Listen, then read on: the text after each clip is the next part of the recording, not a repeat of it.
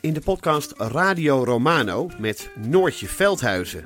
Met Marcel van Roosmalen. En met Roelof de Vries. Brengen we alle drie elke week een zogenaamde signalering mee. Wat heb jij nou weer bij je? En aan het eind bepalen we wie de winnaar van de week is. Echt een angstcultuur Lege huls die je er bent? Ja, dat gaat eigenlijk altijd onvriendelijk. Luister nu naar Radio Romano bij Podimo.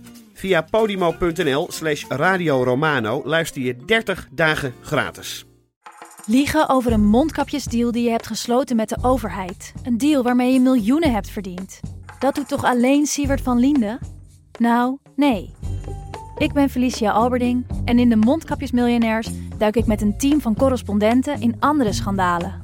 Want wist je dat Siewert helemaal niet uniek is? Luister de Mondkapjesmiljonairs in je Podimo-app. Of ga naar podimo.nl slash mondkapjes. En probeer Podimo 30 dagen. podimo.nl slash mondkapjes. Ik had niet gesolliciteerd naar het ministerschap. Eh, Ik ging op Binnenlandse Zaken werken omdat ik burgemeester wilde worden. En toen zei de secretaris-generaal, dat willen ze hier allemaal. Dus Ja, wa- wat is dat geduld. toch? Sibrand Buma die wilde ook heel graag burgemeester worden. Ja. Ja, maar eh, eh, kinderen wie vader piloot, dus die willen heel vaak piloot worden. Of- maar op een gegeven moment, als je iets ouder wordt, als je 18, 20 wordt, dan is dat wel over. Ja, bij mij was het niet over. En ik ben politieke wetenschappen en staatskunde gaan studeren, staatsrecht gaan studeren. Met echt het idee, dan weet ik ook een beetje hoe het theoretisch in elkaar zit. En kan ik dat praktisch hebben. En ik heb ook met een aantal keren bij secretaris-generaal geweest. Ik een aardige gemeente zou langskomen. Dat, nou, dat wil ik wel eens. Nee, je, je blijft hier. Nou, Dit is Betrouwbare Bronnen met Jaap Jansen.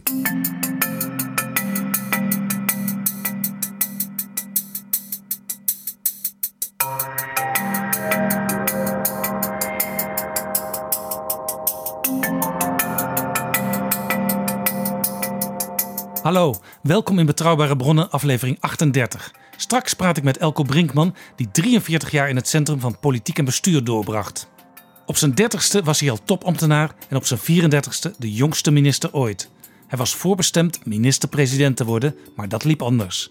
Nu is hij 71. Op 4 juni neemt hij afscheid van de Eerste Kamer, waar hij de laatste acht jaar fractievoorzitter was. Bij zijn afscheid zorgt hij nog één keer voor deining in de Hofvijver. In deze betrouwbare bronnen pleit Elko Brinkman voor het opnieuw en scherp tegen het licht houden van allerlei bestaande regelingen in de sociale zekerheid. Te veel mensen, zegt hij, hebben er recht op. Eh, je kunt zeggen, er was eh, aanleiding om op een gegeven moment uit een oogpunt van barmhartigheid of, of armoede of eh, andere soorten achterstellingen.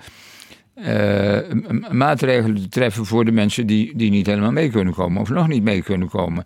Maar om dat vervolgens weer voor alles en iedereen en voor altijd toepassing te verklaren en, en eh, te blijven passen. Dan, eh, ja, dan hol je als het ware zo'n systeem van binnenuit uit. Dat hadden we met de arbeidsongeschiktheidsregelingen. Dat hebben we in zekere zin met de kinderopvang. Heb je eh, bij de bijstand. Je moet dus op tijd, dus nu en dan weer eens een, systeem tegen het licht houden. Dat geldt ook voor de fiscale eh, regelingen. Eh, en dat is niet alleen maar een kwestie van ja, oneigenlijk gebruik en fraude en misbruik. Maar het heeft ook iets te maken met het feit dat de maatschappelijke omstandigheden zijn veranderd. Het feit dat we meer tweeverdieners hebben gekregen. Het feit dat we internationaler zijn gaan leven. Het feit dat we ouder worden gemiddeld. Ja, dat zijn allemaal overwegingen om te zeggen... je moet wel een keer naar de AOW of de kinderopvang... of de ziektewetregeling, wat dan ook, durven kijken. En je merkt dus dat wij als, burgers en gebruikers... vaak moeite hebben om, om afscheid te nemen van, eh, van het bestaan. En ik ben helemaal niet de man van eh, alles moet elke dag nieuw... Uh, maar het systeem is daardoor wel topzwaar geworden. Er zijn te veel regelingen en mensen kunnen er te gemakkelijk gebruik van maken, zegt Elko Brinkman. Tegelijkertijd is het buitengewoon moeilijk om in Nederland grote bouwprojecten te realiseren. Dat duurt jaren, soms zelfs decennia, klaagt hij. En Brinkman ergert zich ook aan de knijperigheid waarmee nu gediscussieerd wordt over de noodzakelijke renovatie van het Binnenhof. Het gemak waarmee we tegenwoordig een computer vervangen en de bedragen die we daaraan uitgeven, vergeleken bij het bijhouden van de, de vaste kern van het Binnenhof, dat is natuurlijk absurd uh, langzamerhand. Dus dat we daar eens een keer uh, een flinke schep geld tegen aangooien, zodat het weer niet één kabinetsperiode mee kan, maar een aantal decennia. Dat is toch zo gek nog niet. En ik heb lang genoeg in de bouw uh, gewerkt om te weten dat je een aantal van die risico's, die kun je ook niet echt van tevoren bekijken. Ik geef je te doen.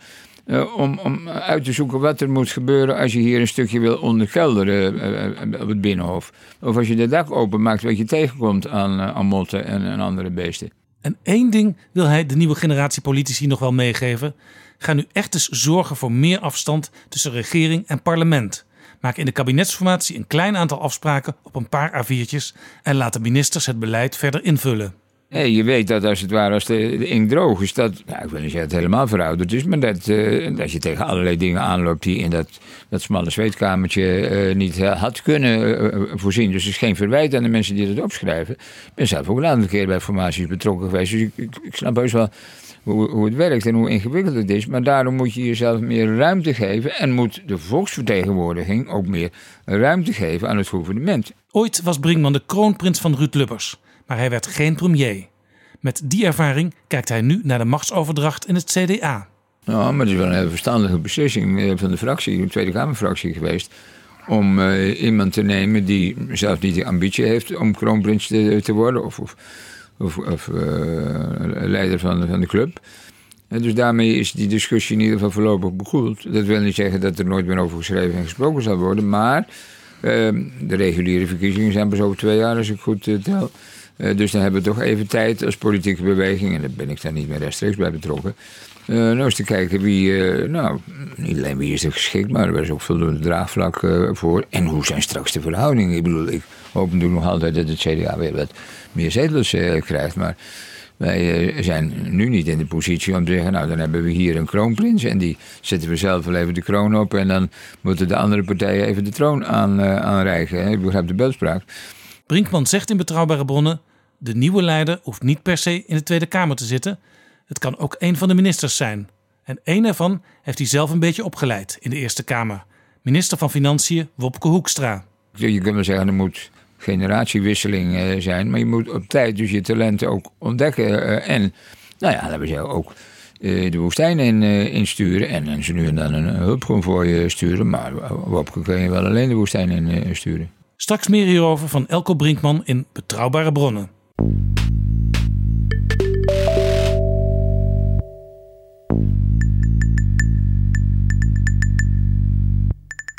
Jaap Jansen en Pieter Gerrit Kroeger duiken in de politieke geschiedenis.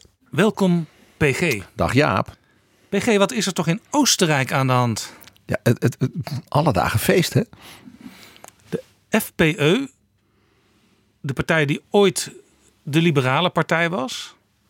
Eh, die nu samen regeerde met Sebastian Kurz, de Bundeskansler. Van de ÖVP, de Oostenrijkse Volkspartij. Dat zijn dus de Christendemocraten. Die is uit de regering gestapt, maar eigenlijk... Gegooid. Gegooid, want er is een enorme rel, een enorme toestand. Toen dat gebeurde, Jaap, toen dacht ik... Vorige week hadden wij bij de iconische Europarlementariërs, onder andere Otto von Habsburg, de kroonprins, hè, klein jongetje tussen 1916 en 1918, die daarna zoveel moois toch bleef doen voor wat hij toch zijn volk en zijn volkeren, hè, de Hongaren in het bijzonder, bleef doen. En we hebben het er nog niet over gehad en prompt gebeurt dit. Het is bijna geen toeval meer. Ja, zou je een beetje cynisch kunnen zeggen, ze leren het ook nooit, die Oostenrijkers. Je zou dat bijna kunnen zeggen. Uh, er zijn heel veel historische aspecten en lagen aan dit ja, toch wat merkwaardige, rustig bizarre uh, ja, soort omkopingsschandaal. Want dat is het. Waarbij nooit iets is omgekocht. Ja, laten we even nog heel kort recapituleren wat de steen des aanstoots is. De leider en ook de vicepremier van die partij, de FPE, die inmiddels zou je, dat kun je echt wel zeggen, uh, zich in de loop van de jaren heeft ontwikkeld tot een extreemrechtse partij. Ja. En die dus mee mocht regeren met de Christen-Democraten in, uh, in Oostenrijk. Die bleek twee jaar geleden al ja, eigenlijk ontvankelijk voor omkoping door Rusland. Er is een filmpje gemaakt. En dat filmpje dat waar dat vandaan komt en waar het naartoe gaat, dat weten we niet precies. Maar er was een zogenaamde Russin die allerlei beloften deed en geld en, eh, en dat soort dingen. En dat gebeurde in een vakantiehuis op Ibiza. Dus het heet ook Ibiza Gate. Uh, het is te ranzig verworden. En die mevrouw zei: Ik wil wel investeren in iets. Hebben jullie een goed uh, investment voor mij? Ja, koop maar uh, de belangrijkste krant van Oostenrijk op. Want dan kan die krant positieve verhalen over onze partij gaan schrijven. En dan winnen wij de verkiezingen. En sowieso kunnen wij zorgen voor opdrachten voor de oligarchen die via jou voor alles doen. En toen dacht ik heel even aan onze betrouwbare bronnen van de keer daarvoor. Met al die oligarchen rond Putin, Azerbeidzjan. Azerbeidzjan, het Mueller Report, het Eurovisie Songfestival. En dat allemaal in deze weken. Ja, en hier bleek dus uit, die partijleider die bleek ontvankelijk voor corruptie. Dat heeft twee jaar boven de markt gehangen. Het werd ineens gepubliceerd en hij moest weg. En zijn hele partij verdween ook uit de, regering. Ja, en de president eh, sprak eh, strenge woorden. Prees de journalisten die zo volhardend hadden Ja, gegraven. de vierde macht heeft zich hiervan zijn beste kant getoond, zei hij. En zei er komen nieuwe verkiezingen en die zijn in september. Ja. Eh, ik vond eigenlijk, ik, wat ik zag ze beide spreken. Eerst Sebastian Kurz, de jonge bondskanselier. Die een vrij stevig eh, besluit had genomen. En vervolgens mm, heel ethisch geladen ook nog die president. Die natuurlijk van andere partijen is. Van de, uit vooral- de groene hoek komt hij. Maar vooral ook boven de partijen moet staan en de garant is van de democratie. Ja. En zo trad hij ook op. Ja, en ook inderdaad het goede Oostenrijk moest vertegenwoordigen. En zeg maar de continuïteit in de geschiedenis van eh, er gebeurt ook nog wel eens iets goeds in Oostenrijk. Moest hij eigenlijk weer neerleggen nadat er iets heel erg fout was gegaan. En waar hij dus in feite zei: kijk met kritische media en ook een kanselier, ja, die niet slappe knietjes heeft, er dus ook zelfreinigend vermogen is in de democratie Oostenrijk. Nou, je begrijpt, dit heeft hele diepe historische aspecten.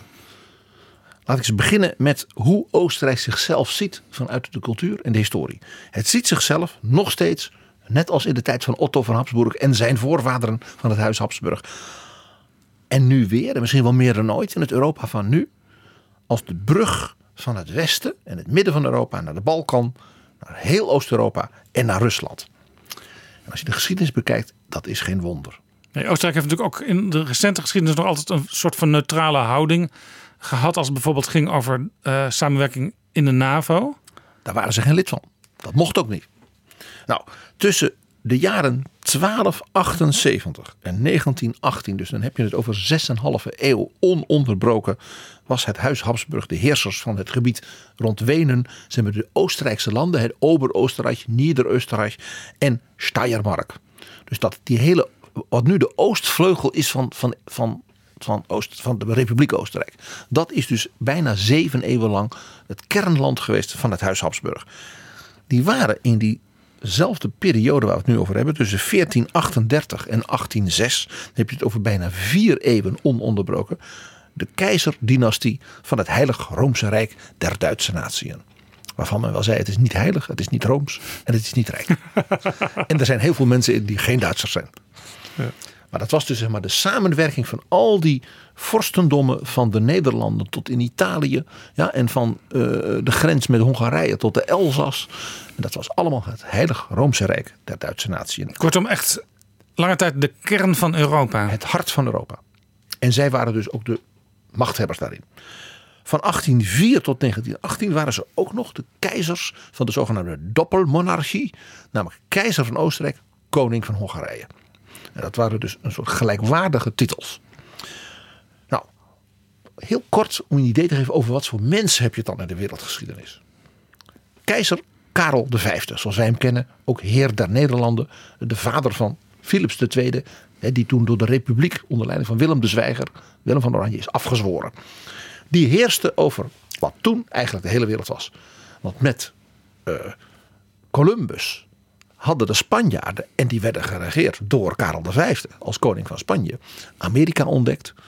Men had natuurlijk ook in Azië inmiddels via de Portugezen van alles ontdekt. En eigenlijk, zoals dat heette, in de, in de zon ging in zijn imperium niet onder. Overal in de wereld was er wel, scheen de zon wel op een plek dat dus werd geregeerd door de Habsburgers. Zijn motto als keizer en koning van Spanje was nec plus ultra. Meer dan dit is er niet. Ik bedoel, dan ben je als keizer, hè, dan heb je wel een logo. Hè, dan, dan, dan ben je iemand in de wereldgeschiedenis. Ja. Hij was geboren in Gent. Had dus een Vlaamse min gehad.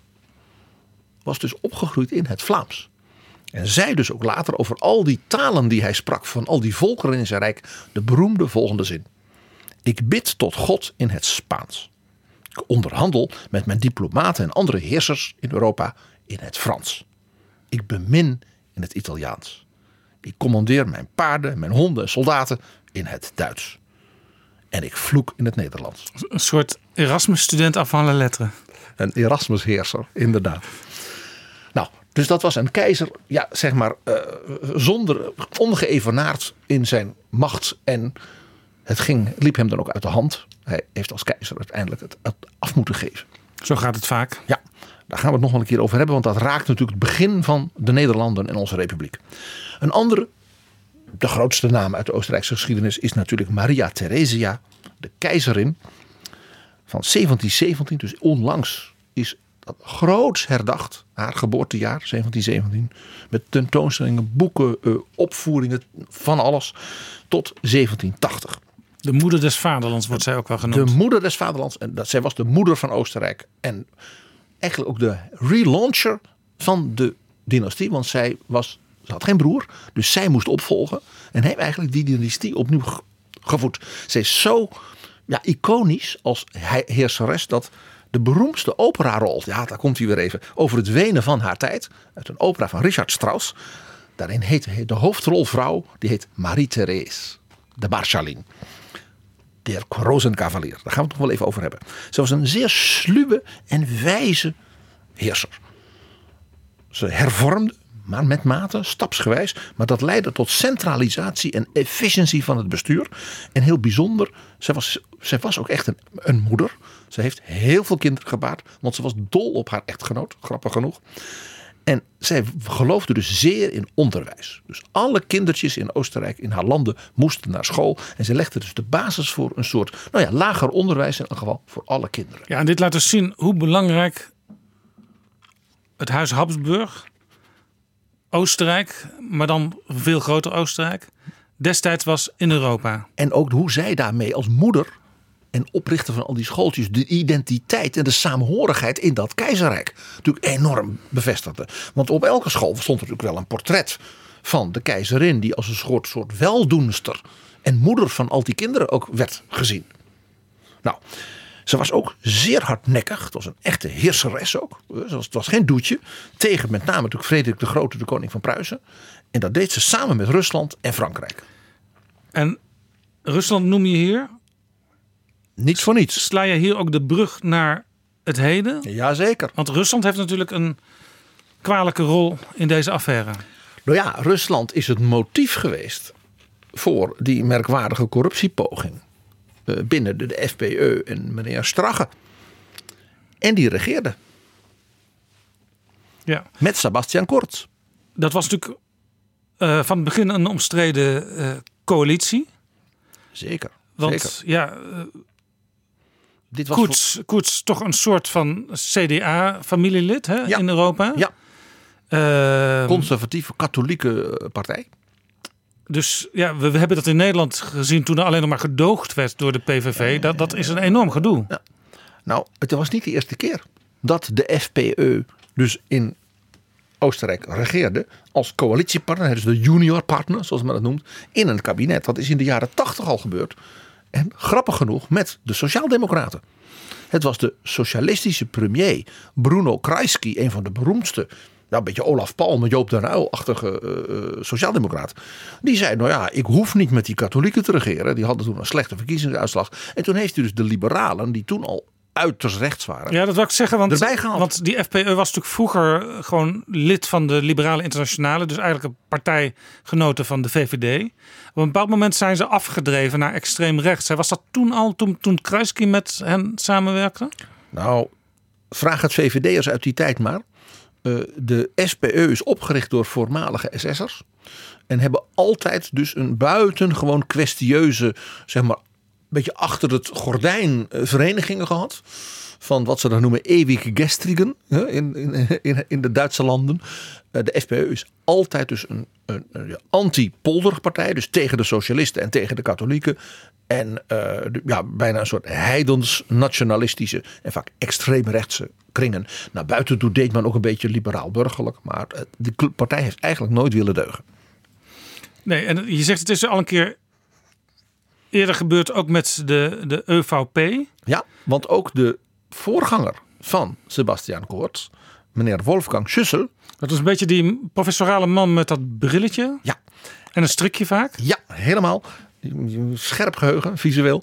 Die heeft zelfs twee keer achter elkaar met de FPE. En dat was toen onder de charismatische, jonge, altijd eh, van de zonnebank komende leider Jörg Haider. Maar ik weet nog, eh, Wolfgang Schüssel ziende als uh, bondskanselier. Ook in Nederland was er discussie, kunnen wij nog wel samenwerken met dat Oostenrijk? Groot gedoe.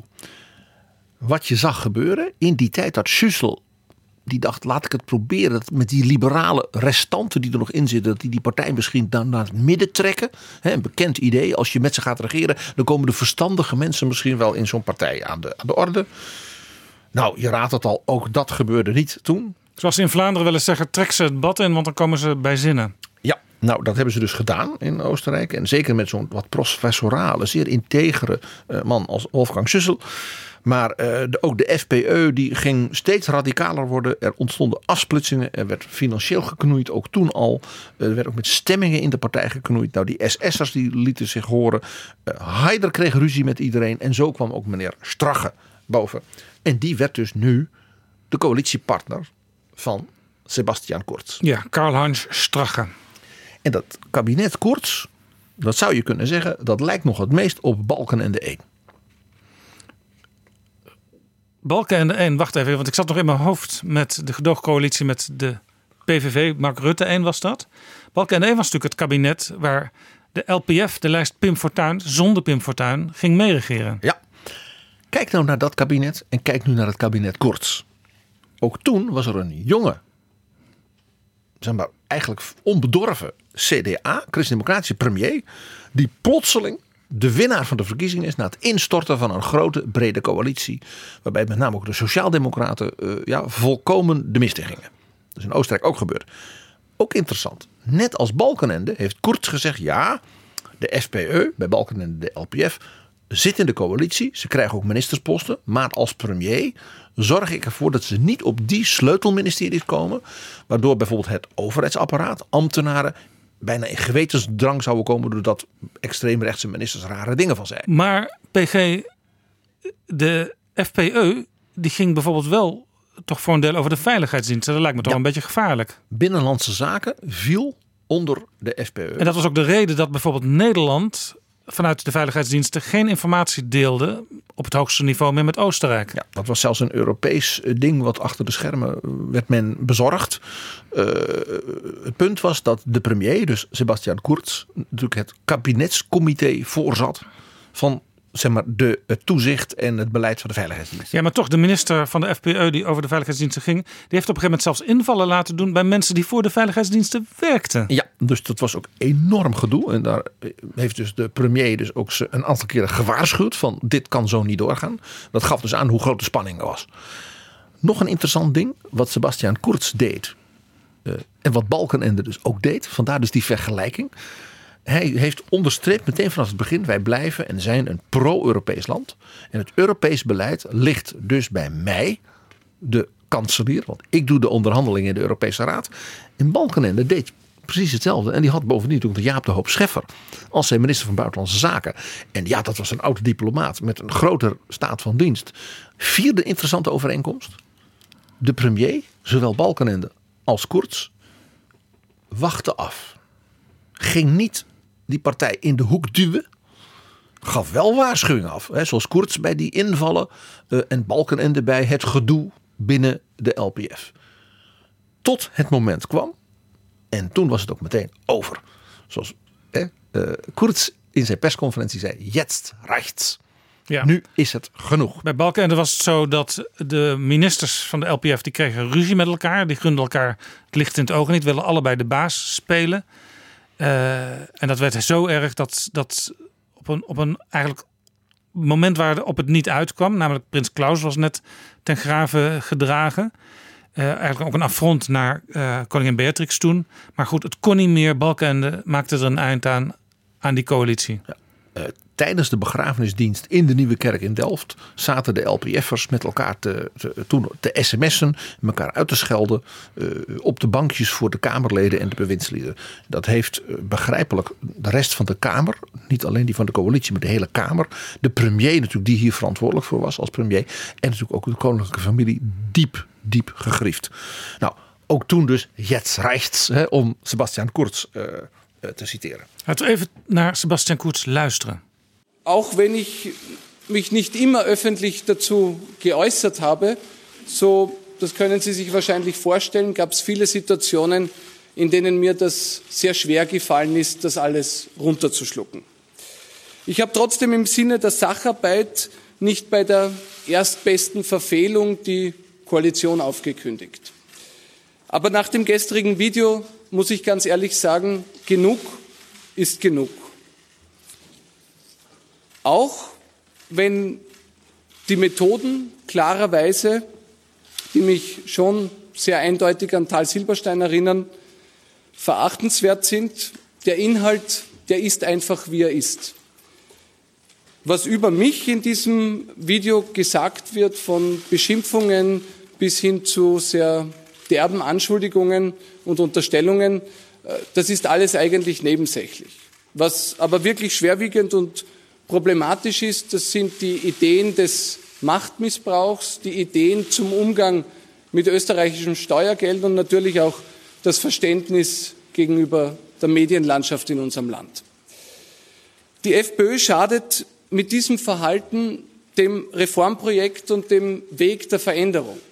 Sie schadet auch dem Ansehen unseres Landes und es entspricht, das möchte ich auch ganz ehrlich sagen, nicht dem politischen Zugang, den ich habe, nämlich der Republik und den Menschen in unserem Land zu dienen. Dat was Sebastian Kurz op het moment dat hij de coalitiepartner, de FPE, uit de regering zetten. Althans, dat was de eerste stap daarin. Het interessante is dus, dit is dus eerder gebeurd. Onder die al eerder genoemde premier Wolfgang Schüssel, ook een christendemocraat van de EVP. En dat was in de periode 2000-2002. En toen viel die coalitie van hem op een vergelijkbare manier. En vervolgens werd die coalitie opnieuw gesmeed en ging nog een tijdje door, van 2002 tot 2005. En het grappige is, dat is dus in de tijd voor ons Nederlanders herkenbaar. Namelijk, het is het laatste momenten van de Paarse coalitie en de eerste jaren van Balkenende. Dus je had toen twee regeringen in Europa, Nederland en Oostenrijk, met dus een ongebruikelijke christendemocratisch, populistische, eh, rechtse coalitie. Had Balkenende in die tijd ook contact met Sussel hierover? Zeer, zeer. Want uh, Sussel was natuurlijk net als Balkenende lid van de Europese Volkspartij. Die zagen elkaar bijvoorbeeld in Brussel als er een top aan zat te komen. Voortdurend. Uh, we hebben het er natuurlijk de voorbije weken, maanden al over gehad. Hoe belangrijk die Europese partijvorming en dat overleg binnen die Europese partijen is. We spraken natuurlijk Manfred Weber, nu de lijsttrekker. Uh, was hij voor de Europese verkiezingen van, van die EVP. En die EVP is dus een zeer intensief samenwerkend geheel aan de toppen, maar ook de jongere organisaties, de vrouwenorganisaties, van alles. In die EVP dreigde op dat moment dus een scheuring zelfs. De debatten waren zeer fel. Overigens ook in de Tweede Kamer werd dus het CDA dus onder schot genomen door andere partijen. Van ja, jullie vriend Schussel zit met die enge Haider. Nou, je, je ziet dat voor je. Dus het CDA moest voortdurend verdedigen en dacht misschien zelf ook wel kunnen wij er nog wel in blijven? Eh, dat liep dus heel hard. Binnen Europa waren er landen die zeiden we zouden eigenlijk Oostenrijk moeten boycotten. Bijvoorbeeld verbieden dat ze mogen meestemmen in de Europese uh, Unie. En dat werd dus besproken in die topvergaderingen van de EVP en natuurlijk ook in de Europese Raad. En interessant, ik heb uit uh, zeer goede bron van de CDA-top die daarbij was, het een en ander wat ik kan vertellen. En dat geeft dus aan ook hoe de geschiedenis zich ontwikkelt als je dat vergelijkt hoe de discussie nu is rond Kurz. Het was mevrouw Merkel, de toen net nieuwe voorzitter van de CDU in Duitsland, die kalmerend werkte. De bezonnen, altijd afgewogen Angela Merkel, zoals wij die dus nadien zo goed hebben leren kennen.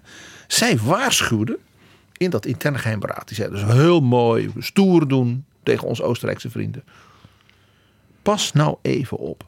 Als wij in Europa gaan roepen wij boycotten Oostenrijk op grond van deze verkiezingsuitslag en deze kabinetsformatie, dan gaat de anti-Europa geest gevalideerd worden, met name dus onder die rechtse kiezers en onder die rechtse types. En dan voeden wij dus de radicalisering onder dat soort clubs tegen Europa. Dus de, Europa gaat scheuren vertonen als wij dit zouden doorzetten, zo'n boycott.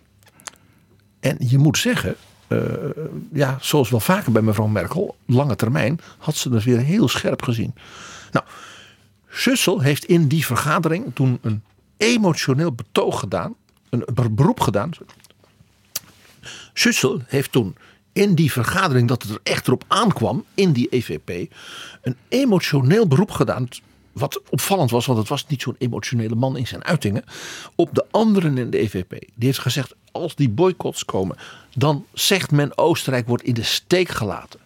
Ik kan dan als kansler, ja, maar ja, alleen maar zeggen: ja, men laat ons dus in de steek in de armen van die ellendelingen. Want hij hield niet van de FPE, maar ja, hij moest wat. Dus hij zei: alsjeblieft, alsjeblieft. Toen heeft Merkel gezegd: laten wij nou Wolfgang Schussel supporten. Maar dan moet hij heel scherp aangeven dat hij in de onderhandelingen, ook in overleg met de president van het land, dat hij aangeeft: ik kan geen kant meer op.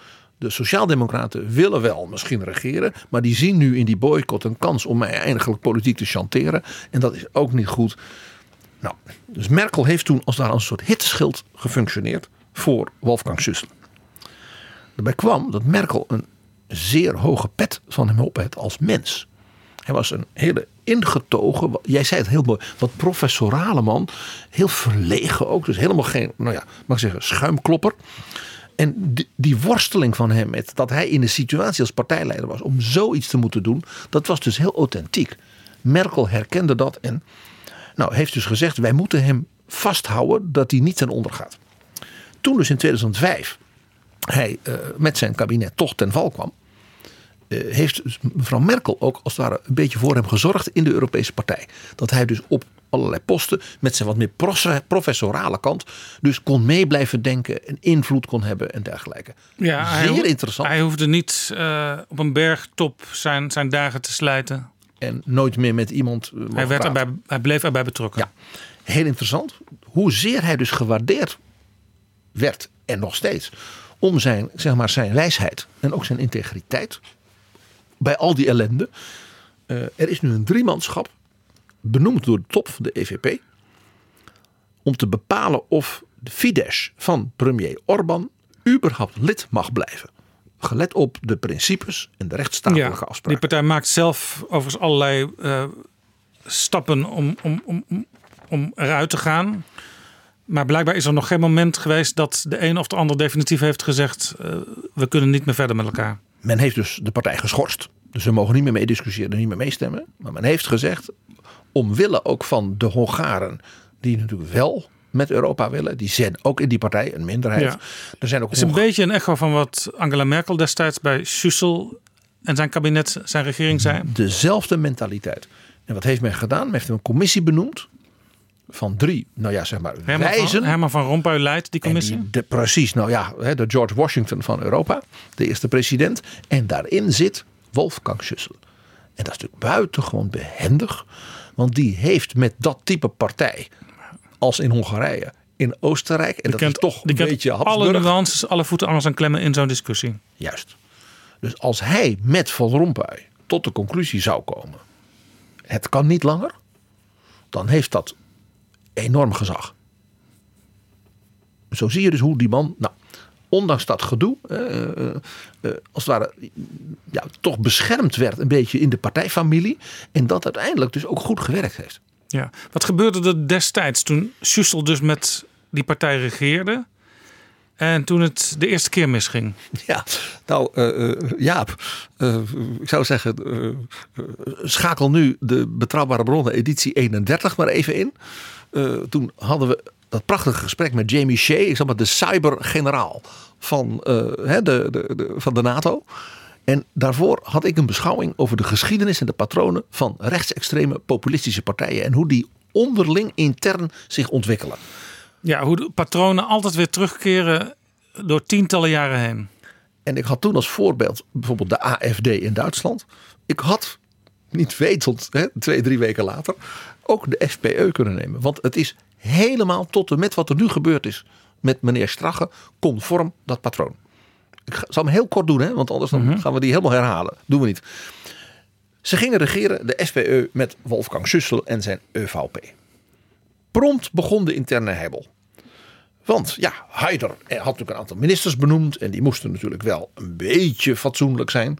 Hè, want anders zou de president ze niet benoemen. Ze moesten natuurlijk geen strafblad hebben. En geen, niet lid zijn geweest van eh, neonazi studentenclubs. En, want over dat soort dingen hebben we het. Dus die ministers die werden als slapjanissen gezien. En compromissentypes. En vaag en niet zuiver op de graad. Dus de radicalisering binnen de FPÖ begon onder de jongere organisaties. Natuurlijk de oud-strijderslegioenen die er actief in waren. En de regio's die dus lekker tegen Wenen. Want dat deden ze natuurlijk altijd tegen de regering. Dus nu ook tegen de regering. En dus tegen Haider. Die als een slapjanus van compromissen werd gezien. De rest van Europa was verbaasd als je Jurk Haider zo zag. Kortom, die Haider die juist heel blij was dat hij dat unieke moment had kunnen realiseren. Namelijk wij gaan als partij die overal door als extreem rechts wordt gezien, gaan wij toch lekker meeregeren. Die kreeg de wind van voren uit zijn eigen kring. Exact. Tegelijkertijd, Wolfgang Schüssel, de kansler, hield dus die druk van Europa hè, met de zeg maar, protectie een beetje van Angela Merkel vast. Dat was niet eenvoudig. Die boycotts die kwamen er uiteindelijk toch niet. Maar Europa zette natuurlijk maximale druk op mensenrechten, vluchtelingen uh, ja, uh, en dergelijke. Uh, en dat hielp natuurlijk Schussel om die SPE binnen de, binnen, binnen de schranken te houden, zoals de Duitsers dat zo mooi zeggen. Wat gebeurde er? Die SPE die ging dus uit elkaar vallen. Het bleek dat Haider nog maar de minderheid van zijn eigen partij achter zich had. Dus die viel in brokken uiteen. Nog rechtser en nog veel rechtser brokken. En dat doet weer heel denken aan het patroon wat we bij de AFD in Duitsland zagen. Waar professor Loeke, die zo tegen de euro was en de reddingsplan voor Griekenland. Vervolgens door allerlei halve neonaties als meneer Hukke en dergelijke. Vervolgens de partij uitgezet werd als ja, zo slappe professor. Ja, terwijl hij notabene die partij had opgericht. Ja. De tragiek van Jurk Haider is ook dat hij ja, politiek dus op het zijspoor raakte in zijn eigen partij. En die heeft toen uh, op een avond laat met heel veel drank op uh, op een bergpas met 180 km per uur uh, is hij in een ravijn gestort.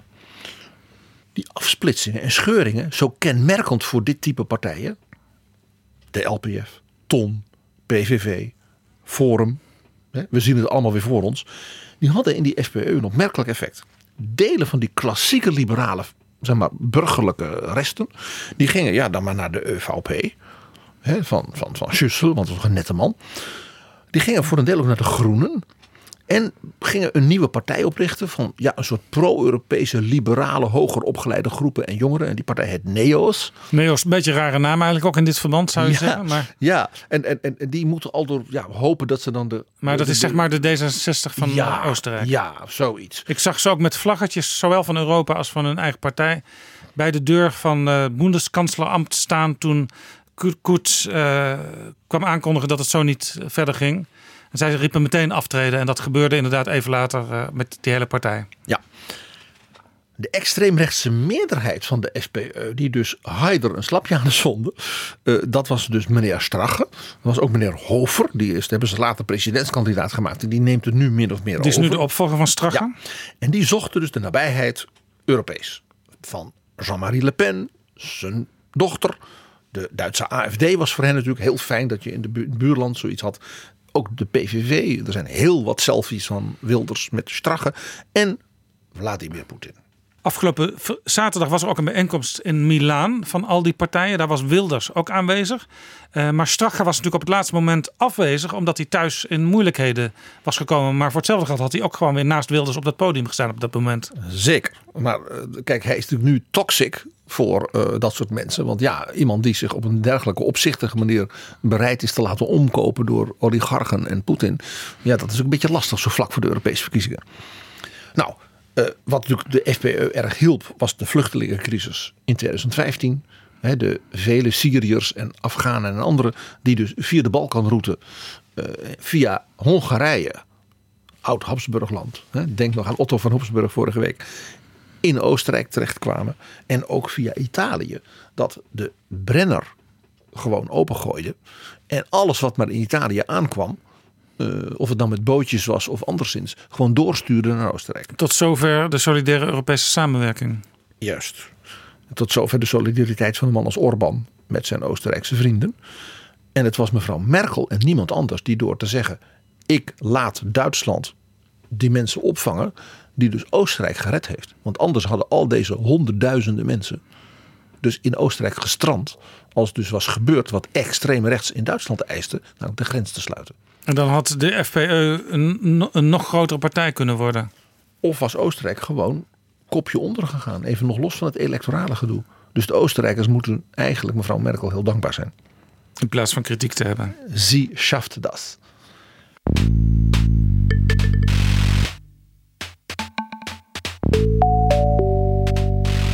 Dit is Betrouwbare Bronnen. Een wekelijkse podcast met betrouwbare bronnen. Waarom is Poetin zo dol op die FPE? Nou, dat heeft te maken met die eigenlijk even oude historische uh, omstandigheden met het Huis Habsburg. Wenen is nu weer, na de val van de muur, de instorting van het Sovjetrijk, de draaischijf geworden in zeg maar, de grens van Midden- en Oost-Europa tussen Rusland, de nieuwe Oost-Europese onafhankelijke landen, de Balkanstaten. En Wenen is natuurlijk een hele belangrijke hoofdstad van de OPEC, dus olie en gas, Azerbeidzjan, Rusland. Het is een hele belangrijke stad van de VN, net als Den Haag. En, de Russen... en natuurlijk voor de EU is natuurlijk Wenen een belangrijke poort voor al die landen daaromheen. En de Russen, Poetin en zijn voorgangers hebben natuurlijk jarenlang naar Oostenrijk zitten kijken als een partij waar eigenlijk twee partijen de dienst uitmaakten. De, de Christen-Democraten, de ÖVP en de Sociaaldemocraten, de SPE. En nu was er en ineens daar, een kon hij derde... nooit, daar kon hij nooit tussenkomen. Nee, want dat waren natuurlijk twee partijen die vanuit het christendom en vanuit de sociaaldemocratie natuurlijk niets moesten hebben van de Sovjet-Unie. Uh, bovendien, die had ook heel lang uh, ook Wenen bezet gehouden hè, tot 1955. En van het Rusland van Poetin ook niet zoveel. En nu was er een partij die het wel lekker vond dat er extern belangstelling voor ze was. En misschien ook wel wat fina financiën. Nou ja, al was het maar omdat heel veel oligarchen in Wenen vastgoed hebben. Banken, brievenbusfirma's en alles wat erbij hoort. Nou ja, het was dus ook geen toeval. Die merkwaardige scène, jij zult het je herinneren Jaap, dat Vladimir Poetin verscheen met een aantal auto's als eregast op de trouwerij van een staatssecretaris van de FPE, een mevrouw. En die danste met haar daar. Het bleek... Dirndl in Dirndl-Clyde was zij? Natuurlijk. Want En- zij, zij was getrouwd in het kerkje van het stadje Daar verscheen in het dal waar zij geboren was. Daar verscheen eens Poetin, die moest toch wel ergens anders zijn in Europa. Maar, en ik dacht toen, toen ik dat zag, ik vond het één merkwaardig, maar twee, dacht ik, ja, die zullen elkaar wel op de een of andere manier goed kennen, want anders kan ik het niet verklaren. Die kenden elkaar helemaal niet. Dus er moet een soort netwerk binnen die partij geweest zijn. En wij hebben natuurlijk onze vermoedens. Die dit gewoon geregeld heeft. In Russland pflegt man den Brautpaaren Rat und Liebe zu wünschen. Das tue ich gern und wünsche Ihnen viel, viel Glück und Gesundheit für Ihre gemeinsame Zukunft. Somit schlage ich vor, unsere Gläser auf Ihr voller, volles Leben, wundervolles Leben zu zweit zu erheben. Ich bedanke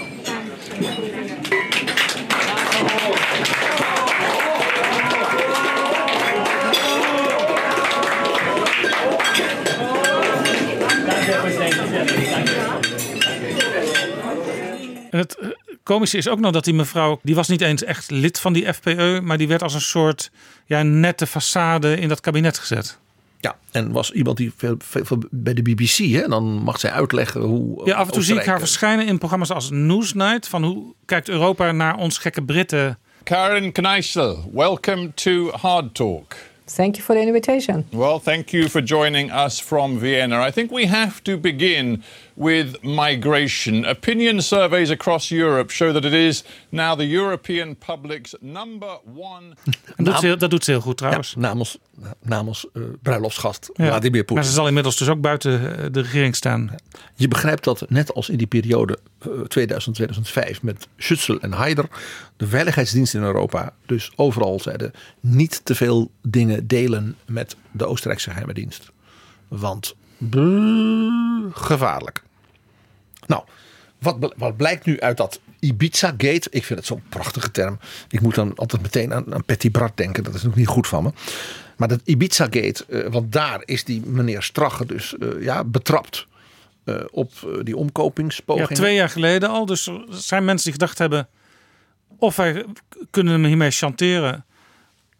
Of wij kijken gewoon hoe die man is en dan gebruiken we het journalistiek later nog wel een keer. Whatever. Dat komt nog wel boven water. Maar één ding is duidelijk.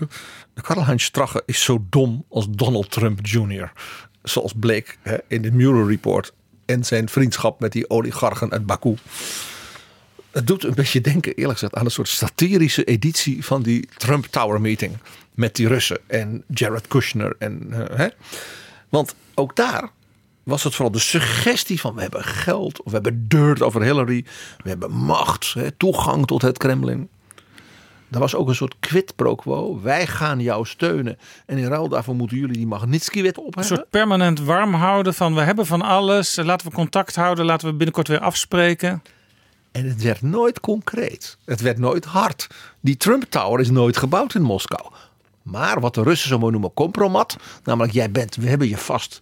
Ik zei toen, de klauwen gingen erin en het gif werd erin gespoten. In dit geval toen door de eh, Eurosong Festival zanger Emin Agalarov.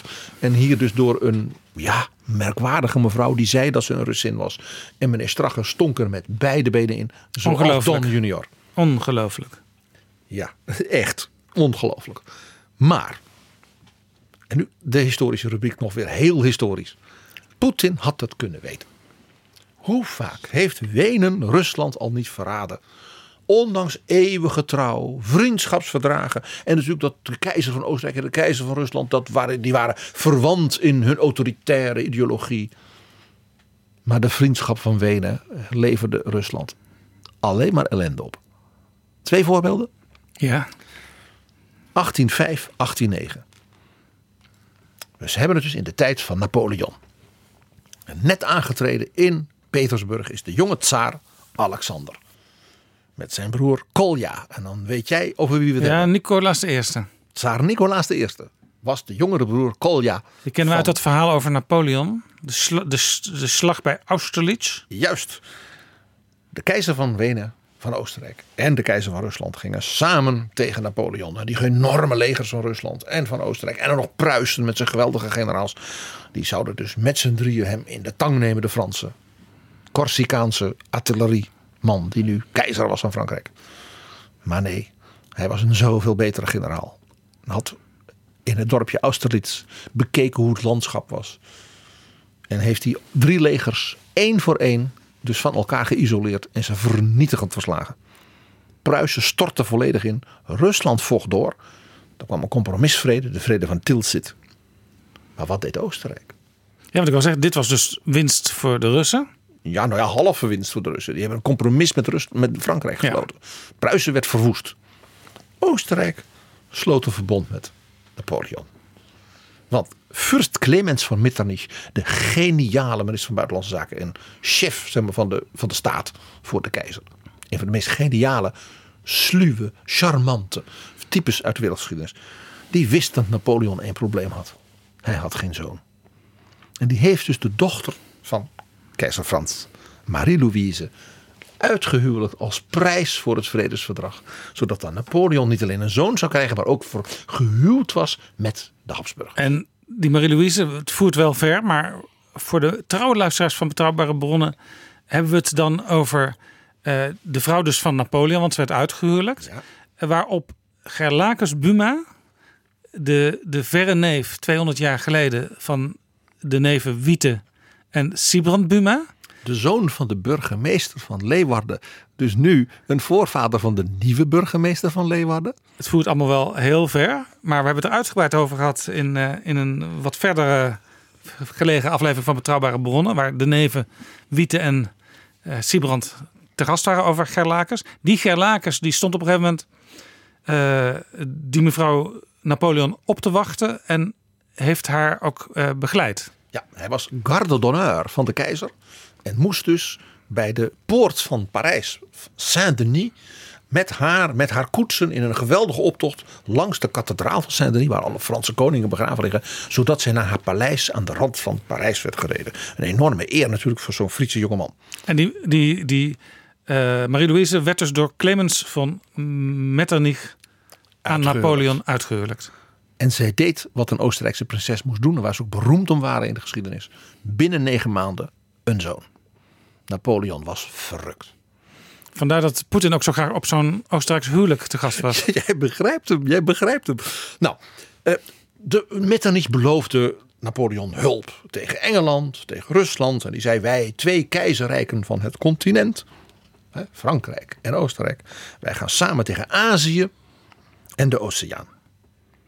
Wat hij vooral deed, hij kocht Napoleons minister van Buitenlandse Zaken, Prins Talleyrand de Périgord, die kocht hij om.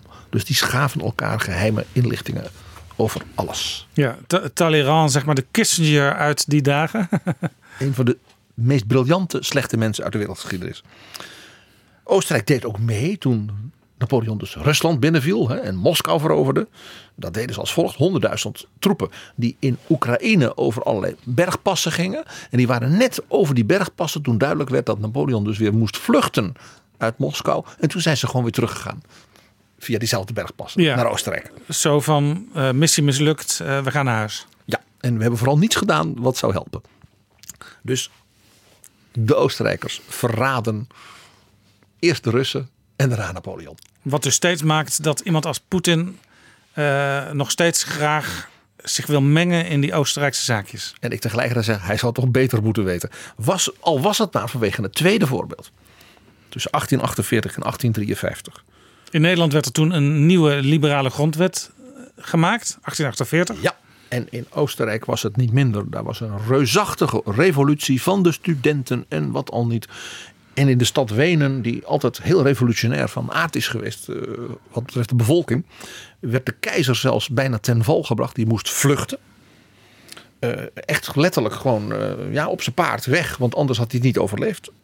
Op dat moment brak in Budapest en in heel Hongarije een soort nationaal-liberale revolutie uit. En men stichtte een eigen progressieve Balkanrepubliek. En op dat moment had de keizer van Oostenrijk nog maar één vriend. En dat was Tsaar Nicolaas I. De Kolja, hè, die dus al had mee moeten maken met zijn broer Tsaar Alexander. Dat Wenen niet te vertrouwen was. Ja. Maar toch, hij begreep dat als natuurlijk de Hongaren een progressieve liberale republiek kregen, dat de Polen dat ook zouden willen. ja, dan is het einde zoek.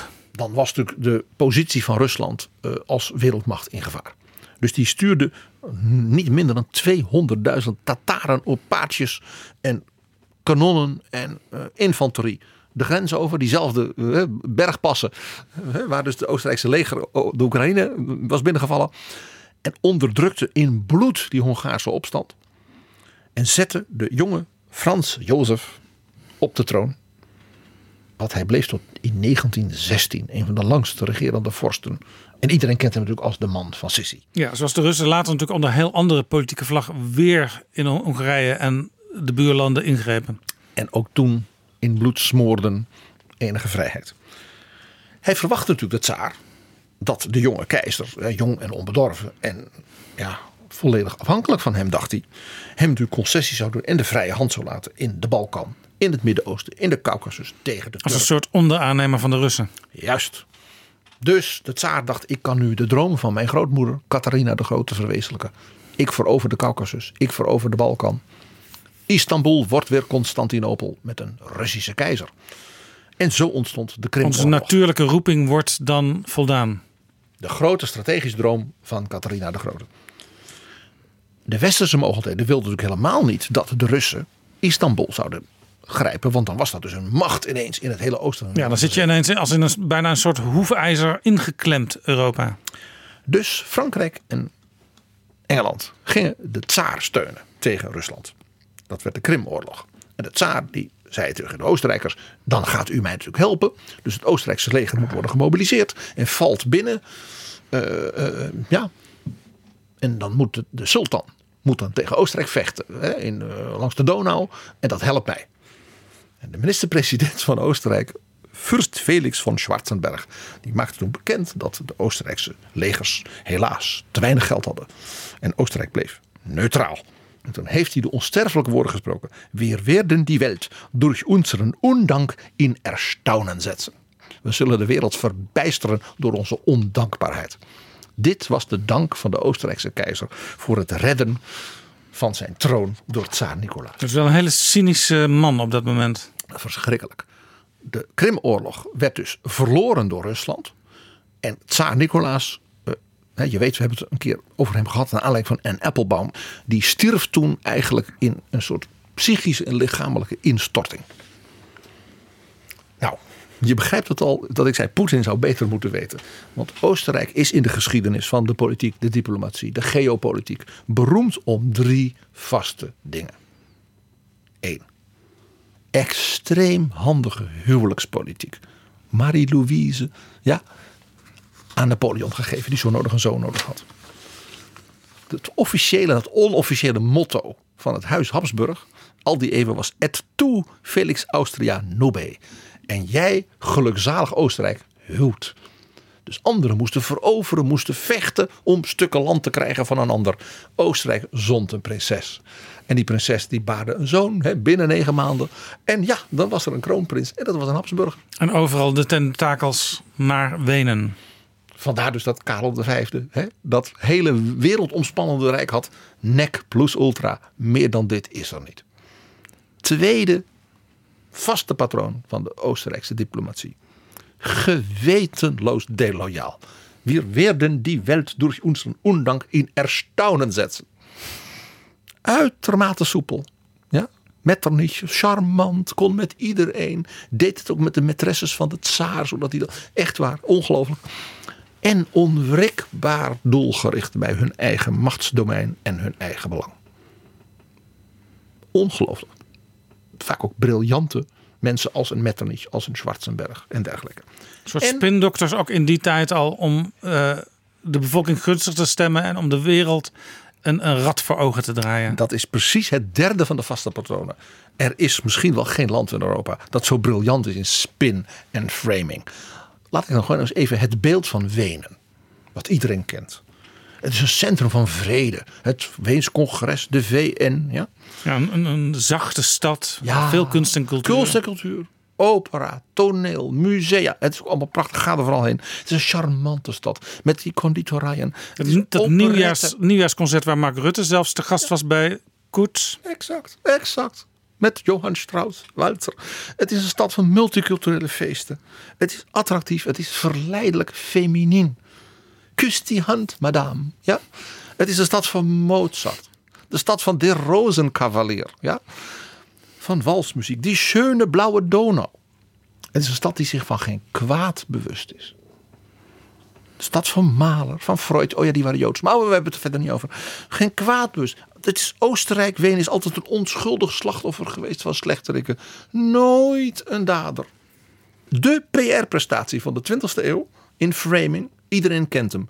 Wij weten allemaal, Beethoven was een Oostenrijker en Hitler was een Duitser. Jij hebt volgens mij hier een mooi geluidsfragment voor. Ja, want iedereen die uh, de geschiedenis een beetje bestudeerd heeft, weet dat in 1938 de Oostenrijkers als eerste zich aansloten bij het steeds groter wordende althans in de ambitie, Duitsland van Adolf Hitler. Bij het Derde Rijk, der Anschluss. En Adolf Hitler kwam ook meteen naar Oostenrijk om daar het volk toe te spreken. In Wenen vanaf het balkon van het stadhuis. 1938. We luisteren even, schrik niet. Ik proklamiere nunmehr für dieses Land seine neue Mission. Sie entspricht dem Gebot, das einst die deutsche Siedler aus allen Gauen des Altreichs hierher gerufen hat. Die älteste Ostmark des deutschen Volkes soll von jetzt ab das jüngste Bollwerk der deutschen Nation und damit des Deutschen Reiches. Als Führer und Kanzler der deutschen Nation und des Reichs melde ich vor der deutschen Geschichte nunmehr den Eintritt meiner Heimat in das Deutsche Reich.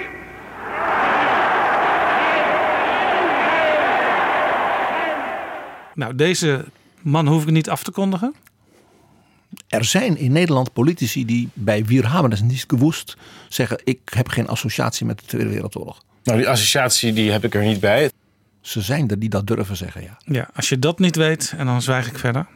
nog even over die spin. Dat beeld van Wenen, wat zo subliem werkt dus in de politiek en de diplomatie. Het ultimum hiervan is, ik liet de naam al even vallen, De Rosenkavalier. De opera van Richard Strauss op een briljant toneelstuk van Hugo van Hofmannsthal, de Oostenrijkse dichter van de 20e eeuw. En dat speelt rond 1750, dus in de tijd van Maria Theresia. Is dus een opera en een zedeschets van die tijd.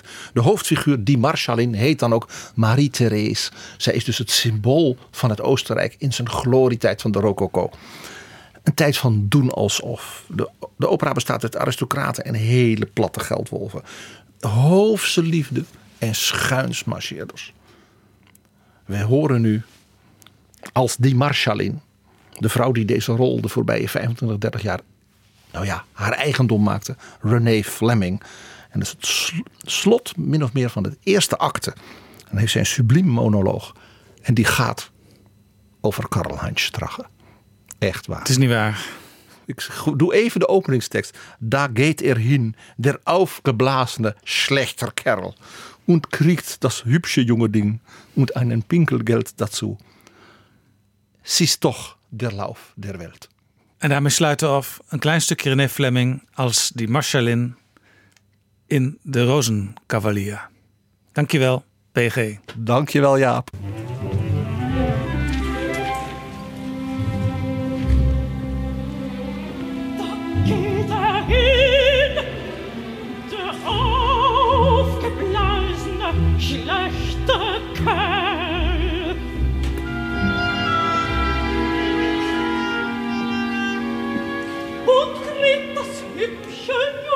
Und einen Pinkelgeld dazu.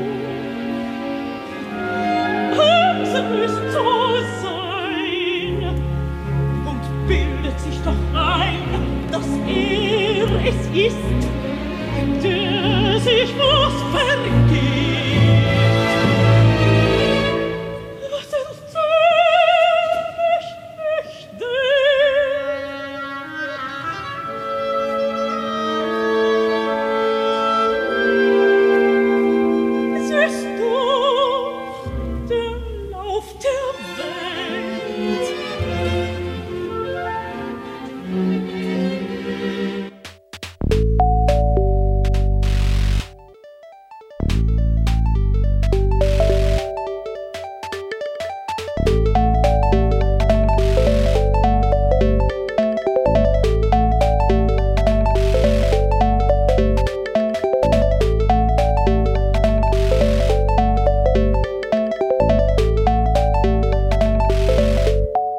Is Jaap Jansen met Betrouwbare Bronnen. Ik ga samen met PG praten met Elko Brinkman, die op 4 juni afscheid neemt als fractievoorzitter van het CDA en tegelijk ook als lid van de Eerste Kamer. Er is bij uitgeverij Prometheus ook een boek verschenen met zijn memoires Bouwen en Bewaren. Elko Brinkman, welkom in Betrouwbare Bronnen. Dankjewel. U heeft een heel bijzondere loopbaan achter de rug, want u kwam als twintiger al in de machinekamer van het openbaar bestuur terecht, in het bureau SG van de secretaris-generaal. Daarna als adviseur van minister Hans Wiegel, Binnenlandse Zaken. En op uw dertigste werd u al directeur-generaal Binnenlands Bestuur. Op uw 34ste de jongste minister ooit op Welzijn, Volksgezondheid en Cultuur. Daarna was u fractievoorzitter van het CDA in de Tweede Kamer, lijsttrekker. En later had u tal van functies en nevenfuncties, betaald en onbetaald. En wat mij opvalt, als jong ambtenaar klaagde u al over politiek gesteggel. En als fractievoorzitter eh, tijdens het derde kabinet Lubbers riep u de bewindslieden op om sneller te hervormen en niet te treuzelen.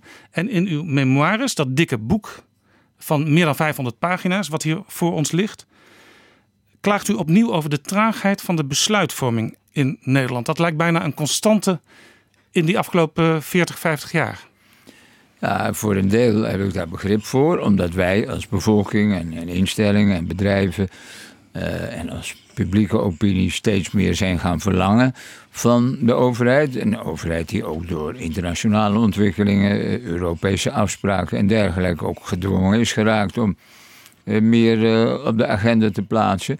En dan duurt het natuurlijk wat meer, kost het wat meer tijd om tot een afgewogen besluit te komen. Dus tot zover moeten we er ook niet over klagen. Maar tegelijkertijd zie je wel dat door de politieke eh, ja, ver- versplintering, ehm, het steeds moeilijker is geworden om een, een, ja, een goed voorbereid, degelijk en uitvoerbaar compromis eh, eh, te smeden. Dat kun je polderen noemen of dat kun je de noodzaak noemen om, een brede draagvlak te halen. Of in ieder geval één stem meerderheid tenminste. Maar dat vreet tijd eh, en energie. Eh, ook omdat wij, en dat is mijn, mijn derde waarneming over de jaren heen. eh, dat we de hele, ja, laten we zeggen, ontwikkeling van, van democratisering hebben meegemaakt. Waar ik het begin van op de universiteit in de 60 jaar heb gezien. En waar ik later als ambtenaar en minister ook zeer bij betrokken ben geweest. En of je nou in een bedrijf of in een ziekenhuis of op school zit. En ook in het huisgezin, die, zeg maar, die mondigheid.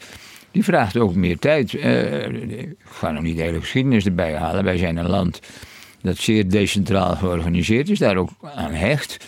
Maar tegelijkertijd ja, hebben en Den Haag en de provinciehoofdstad en Brussel en de lokale overheid ook eh, meer te vertellen eh, gekregen. Die worden ook geacht zich daarover uit te spreken. Nou, dat alles bij elkaar maakt het wel een enorm oerwoud van besluitvorming.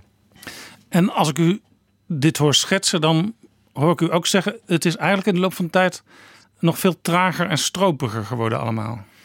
Ja, ook omdat ehm, wij moeite hebben, wij even als, als, als land en als, als bevolking en als politieke groeperingen, moeite hebben om afscheid te nemen van dingen die, ja, laten we zeggen, door de tijd zijn ingehaald. Of waar je dan een overgangsmaatregel kunt treffen om te zeggen, nou, via een soort uitsterfproces hè, stoppen we daar dan mee. Maar voor de nieuwe generaties moeten we rekening houden met, met ja, nieuwe situaties. Dus bijvoorbeeld sociale regelingen, eh, waarvan langzamerhand eh, je vraagtekens erbij kunt zetten of die nog wel van deze tijd zijn, eh, die gaan maar door. Ja, en een ander, dus het voorbeeld kom ik graag op terug, omdat het heel sprekend is, ook in mijn loopbaan. Je kunt zeggen, er was eh, aanleiding om op een gegeven moment uit een oogpunt van barmhartigheid of, of armoede of eh, andere soorten achterstellingen. eh, maatregelen te treffen voor de mensen die, die niet helemaal mee kunnen komen of nog niet mee kunnen komen. Maar om dat vervolgens weer voor alles en iedereen en voor altijd toepassing te verklaren en, en toe, eh, te blijven passen.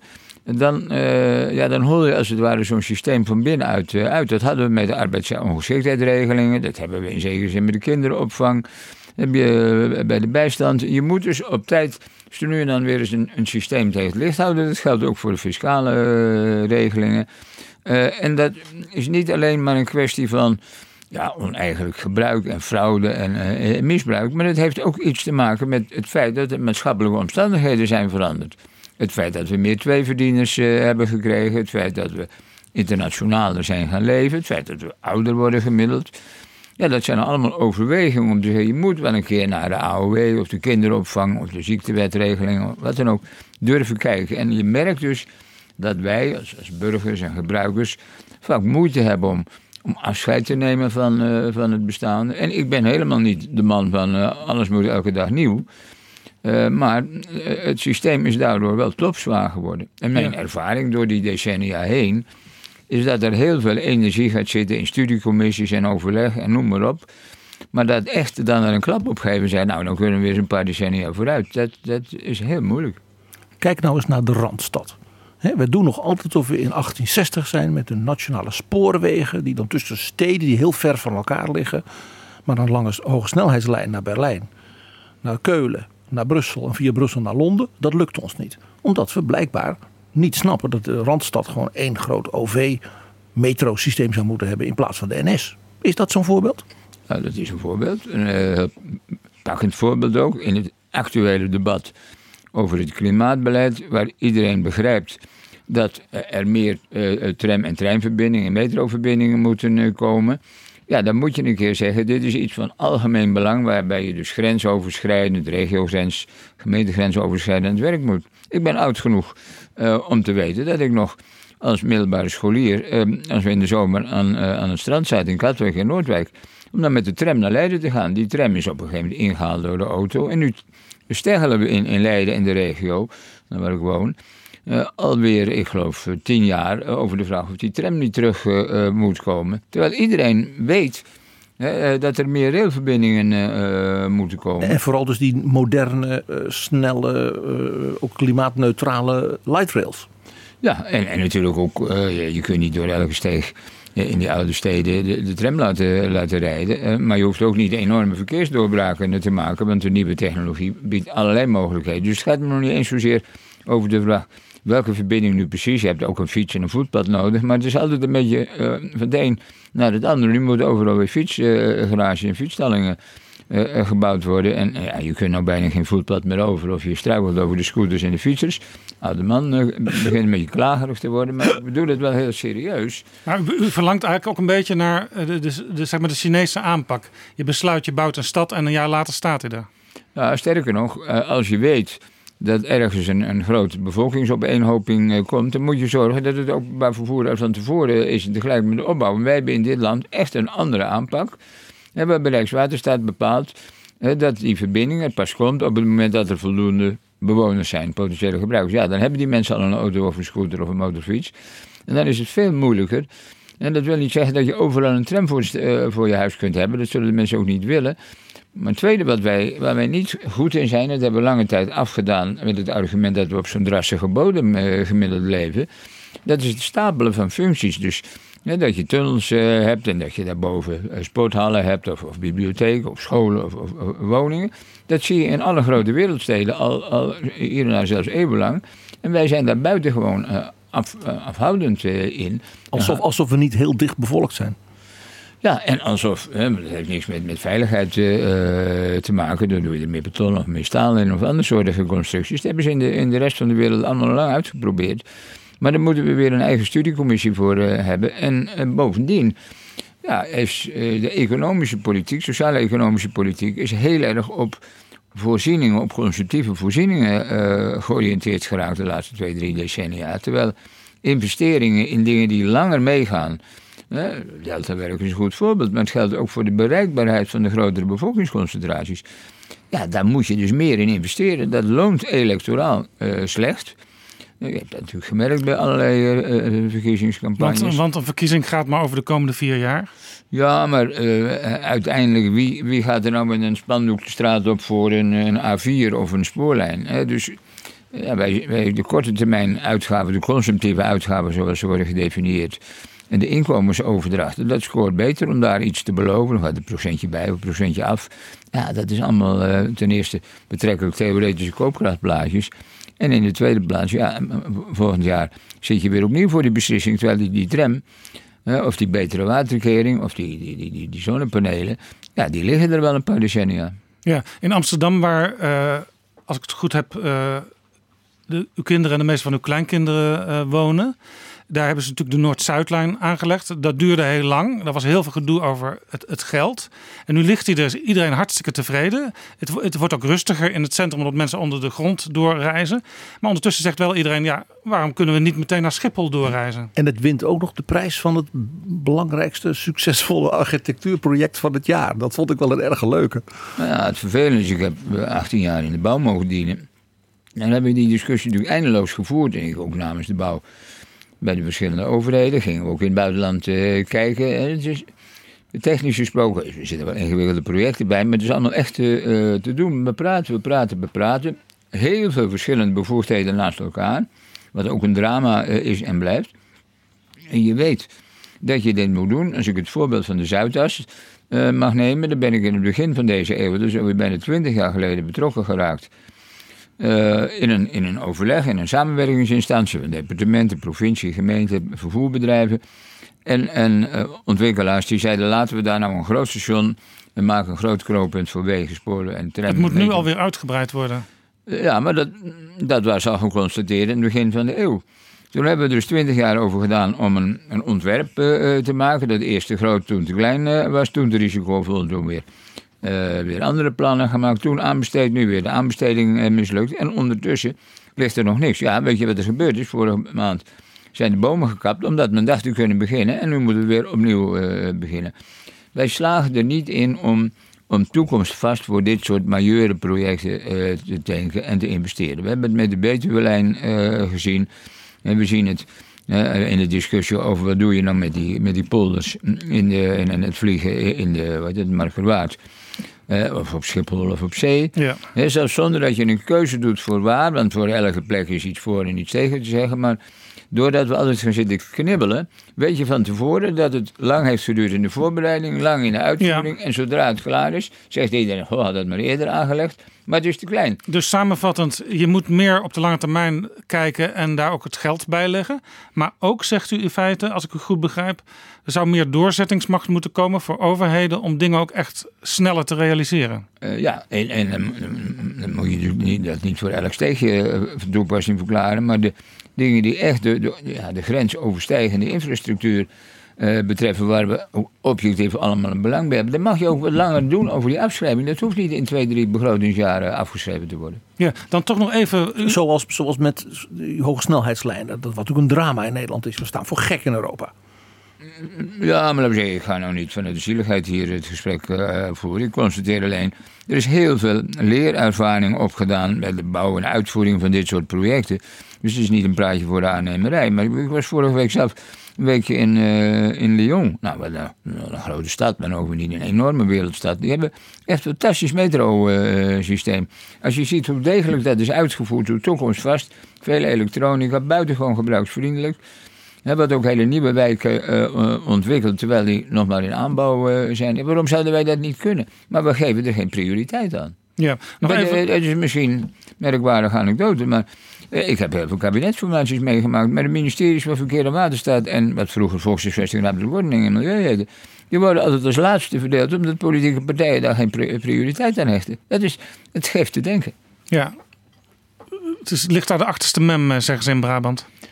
Zo heb ik het ook altijd gezegd. Maar toen zeiden ze, ja, maar je komt niet uit Brabant, je kan niet weten hoe, het, eh, hoe dat werkt. Ik nou, maar ik heb in Alblasse Waard op de boerderijen eh, met mijn vriendjes eh, destijds mogen spelen, mits we de koeiengroepen eh, schoonmaakten en bij de varkens gingen zitten als die eh, aan het zeugen waren.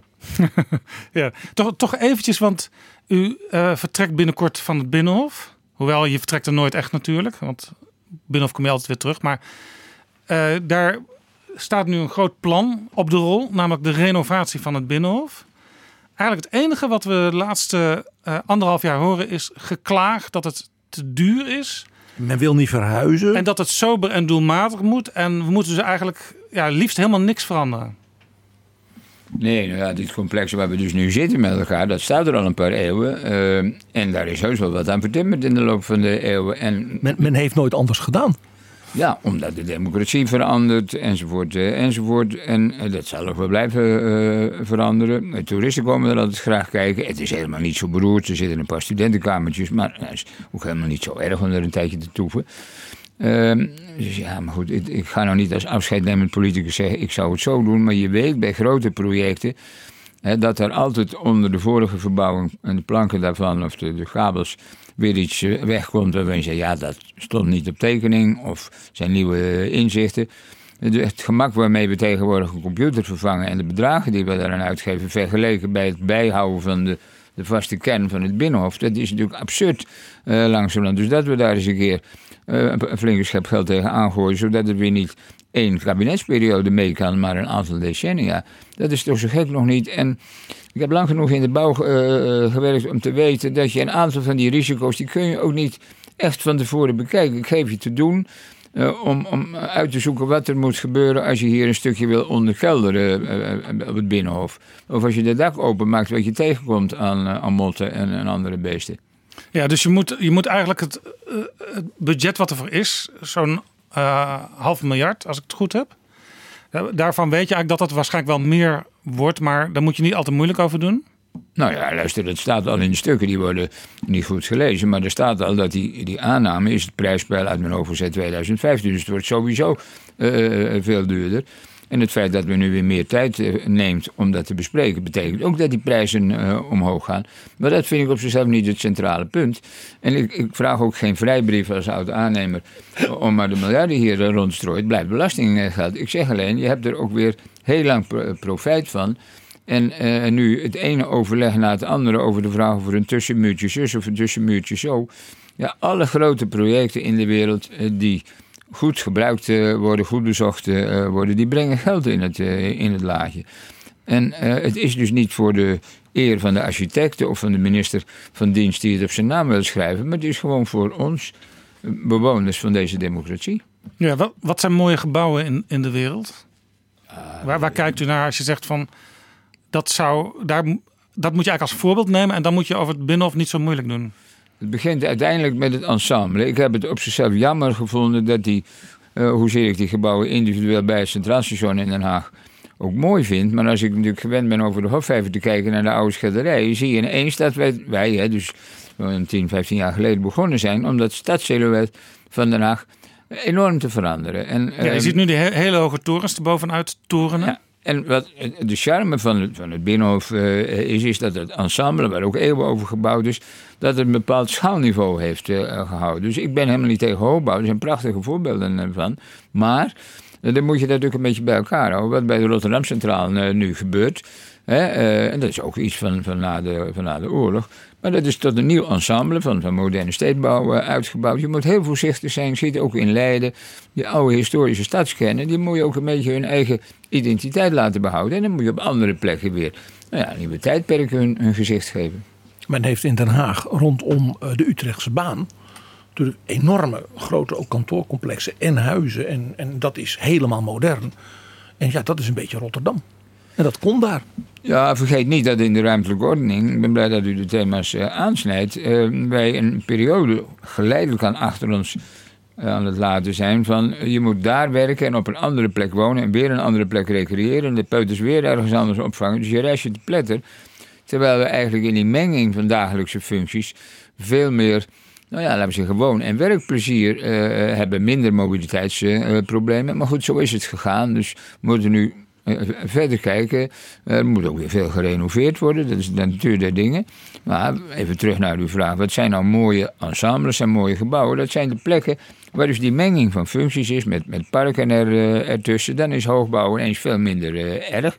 Een menging ook van functies die verschillende publieken bij elkaar brengen. Het simpele voorbeeld, toen ik minister was, gingen wij in, in de Noordische landen, Scandinavische landen kijken hoe ze daar de voorzieningen voor ouderen, bibliotheken, peuterspeelzalen, uh, sportaccommodaties bij elkaar hadden gebracht omdat je daar een aantal van die accommodaties twee keer op een dag kon gebruiken. Maar omdat je ook die verschillende deelpublieken veel meer communicatie met elkaar uh, liet hebben. Wat voor het, ja, noem het maar even, het welzijn van de mensen ook bevorderlijk uh, is. Dus het is niet alleen maar een technisch-financiële overweging. Maar het heeft ook iets met samenlevingsopbouw Maar bij, bij die Zuidas waar u bij betrokken was, is dat niet gelukt. Hè? Want om een uur of vijf, zes s'avonds loopt die leeg. Ja, dus was de gedachte in het begin van de eeuw, meng nou die functies. Maar dan was weer het geluid voor de bewoners te, te hoog. Dan was de overtunneling weer te riskant. dan was er weer dit probleem. Dan wilde die niet mee betalen. Nou, enzovoort, enzovoort. En nu zijn we 19 jaar verder wel geteld. En ja, ligt het er nog zoals het te laat toen begon. Ja, nog even terug naar het begin. Want u begon spontaan over sociale zekerheid. Uh, u was zelf destijds uh, als minister en als fractievoorzitter betrokken bij de arbeidsongeschiktheid die uit, uit de hand liep. Nou, dat is ingedampt. U noemde net de bijstand als iets wat we al heel lang hebben en waar je misschien langs wat vraagtekens uh, bij kan zetten. U noemde ook de AOW, u noemde de kinderopvang. Dus je zou eigenlijk naar een soort from scratch uh, nieuw design van de sociale zekerheid moeten. Nou, dat, is te veel gevraagd. Ik, ik, stel niet de bijstand as such ter discussie. Ik zeg alleen, uh, mijn ervaring was toen ik op het destijds in 82 nieuw gevormde ministerie van Welzijn, Volksgezondheid en Cultuur kwam. Dat was in de kern een samenvoeging van het oude CRM en het oude uh, deel Volksgezondheid van Volksgezondheid en Milieuhygiëne. Toen werd er op datzelfde moment de bijstand die uh, mevrouw Klompé als het ware had bedacht en, en, en uitvoering had genomen, werd er toch ook een zekere uh, grote schoonmaak ingehouden, omdat er een aantal dingen waren uitgebreid van individuele bijdragen tot hele stelsels van voorzieningen. Uh, en men zei dat moet je anders regelen. Dat moet je niet via individuele toeslagen uh, doen. En daarnaast was er ook een algemene ontwikkeling van de welvaart ontstaan. Waarbij men bijvoorbeeld de vraag stelde: ja, moet nou een televisie, zwart-wit televisie, kleurentelevisie, ook via de bijstand worden betaald? Of moet je zeggen: ja, dat zijn de dagelijkse kosten van het bestaan. Niet om iemand een televisie in dit voorbeeld te onthouden, maar om ook weer eens even te laten zien hoe zit de tijd. We hebben dat in de zorg voor de ouderen ook gezien, een rollator. Terwijl steeds meer mensen aan een elektrische fiets toe uh, zijn. Niet iedereen, maar moet dan een rollator nog in het, in het, het verzekerde pakket zitten? Nou, dat zijn elke keer natuurlijk moeilijke discussies, maar je moet aandurven om te zeggen, luister eens, we, we leven in een nieuwe tijd. Er zijn nieuwe technische mogelijkheden. Er zijn ook andere die daar veel praktischer kunnen uitvoeren. En dat is altijd enorm ideologisch beladen. U komt dan aan de, de bodem van het bestaan. Verworven rechten. Ja, ja. maar goed, die gelden op alle niveaus. Dus niet alleen in de bijstand, ook in de fiscaliteit zijn natuurlijk tal van voorbeelden dat mensen zeer rechten aan een aftrekpostje hier of een kortingje daar. Ja, ja we hebben natuurlijk heel lang, dat is- heeft u in de bouw natuurlijk ook eh, veel voordeel van gehad, de hypotheekrenteaftrek.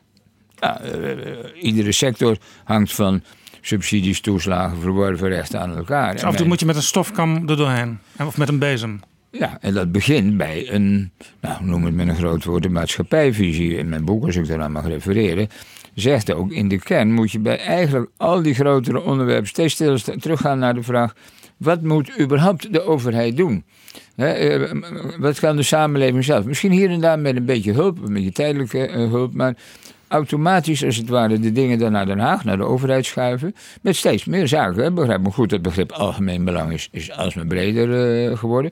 Iedereen snapt wel dat je voor de veiligheid van het land, de waterveiligheid van het land, nou ja, iets gezamenlijk eh, moet doen. Maar ja, betekent dat nou dat elke keer als je keldertje onderloopt, dat je dan de brandweer de hulp moet roepen en dat je voor de rioolrechten niet meer wilt betalen? Dus meer eigen verantwoordelijkheid van mensen. Mensen moeten zelf bepalen wat echt werkelijk van belang is. En daar ook geld voor over hebben. Ja, ja, mensen zelf. Maar de overheid mag ze daar wel een, een duwtje geven. Want eh, we, krijgen, we we zitten nu in een periode waarin we zeggen... ja, die overheid die doet dat wel, maar daar heb ik schade van. Bij een, schade bij een rechtmatige eh, overheidsdaad. En dat moet toch wel betaald eh, worden. Ja, dan kom je al op een merkwaardige weging. Eh, dan is er leed door een ongeluk of...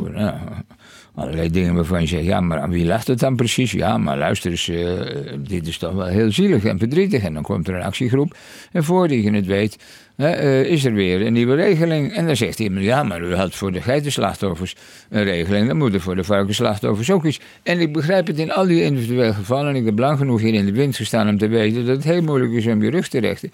Maar uiteindelijk betaalt de belastingbetaler. Ja, ja.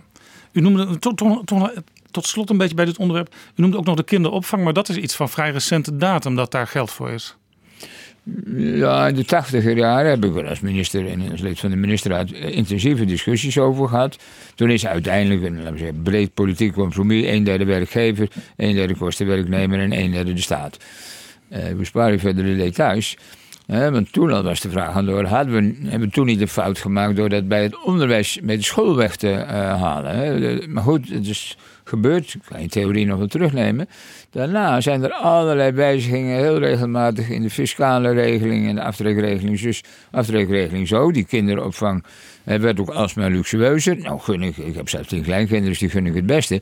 Maar dat hoeft ook allemaal niet in marmer gevangen te worden. Ik doe een beetje om de luisteraar te boeien eh, wat stevige uitspraken. Maar om mijn punt duidelijk te maken, dat wij elke keer erin. Hè, met het idee, dit moet toch ja, gebeuren, want het is belangrijk. Maar het is wel heel veel geworden. En we betalen dus heel veel aan belasting en premies. Daar krijgen we ook hartstikke mooi land voor terug. Maar ja, het eh, is wel eh, zo ongeveer de helft van wat we elk jaar met elkaar verdienen. Ja, toch gebeurt eigenlijk nooit, hè? want u wa- was zelf ooit. eh, zat u, kwam u een beetje als CDA-fractieleider in de problemen, omdat er toen een verkiezingsprogramma was. waarin het leek alsof de AOW, de, eh, de, de Algemene Ouderdomswet, aangepast zou worden. Ja, en dan kom je zo'n beetje aan het, het, het allerdierbaarste van zo'n beetje elke Nederlander. Dus zoiets, daar kun je bijna niks aan veranderen. Nee, maar voor goed begrip, dat was niet mijn voorstel, maar dat was het voorstel wat het partijbestuur van het CDA eh, toen mee kwam en een aantal van de ministers die toen dienst hadden. Eh, en vanuit het idee dat er bezuinigd moest worden, waar ik het op zichzelf mee eens was. En toen zei men, nou, maar als we de uitkeringen op nul zetten, dus geen groei daarin, dan moeten ook de AOW'ers eh, diezelfde lijn te pakken hebben. Toen hebben ze, nee, die mensen die hoeven niet meer aan het werk.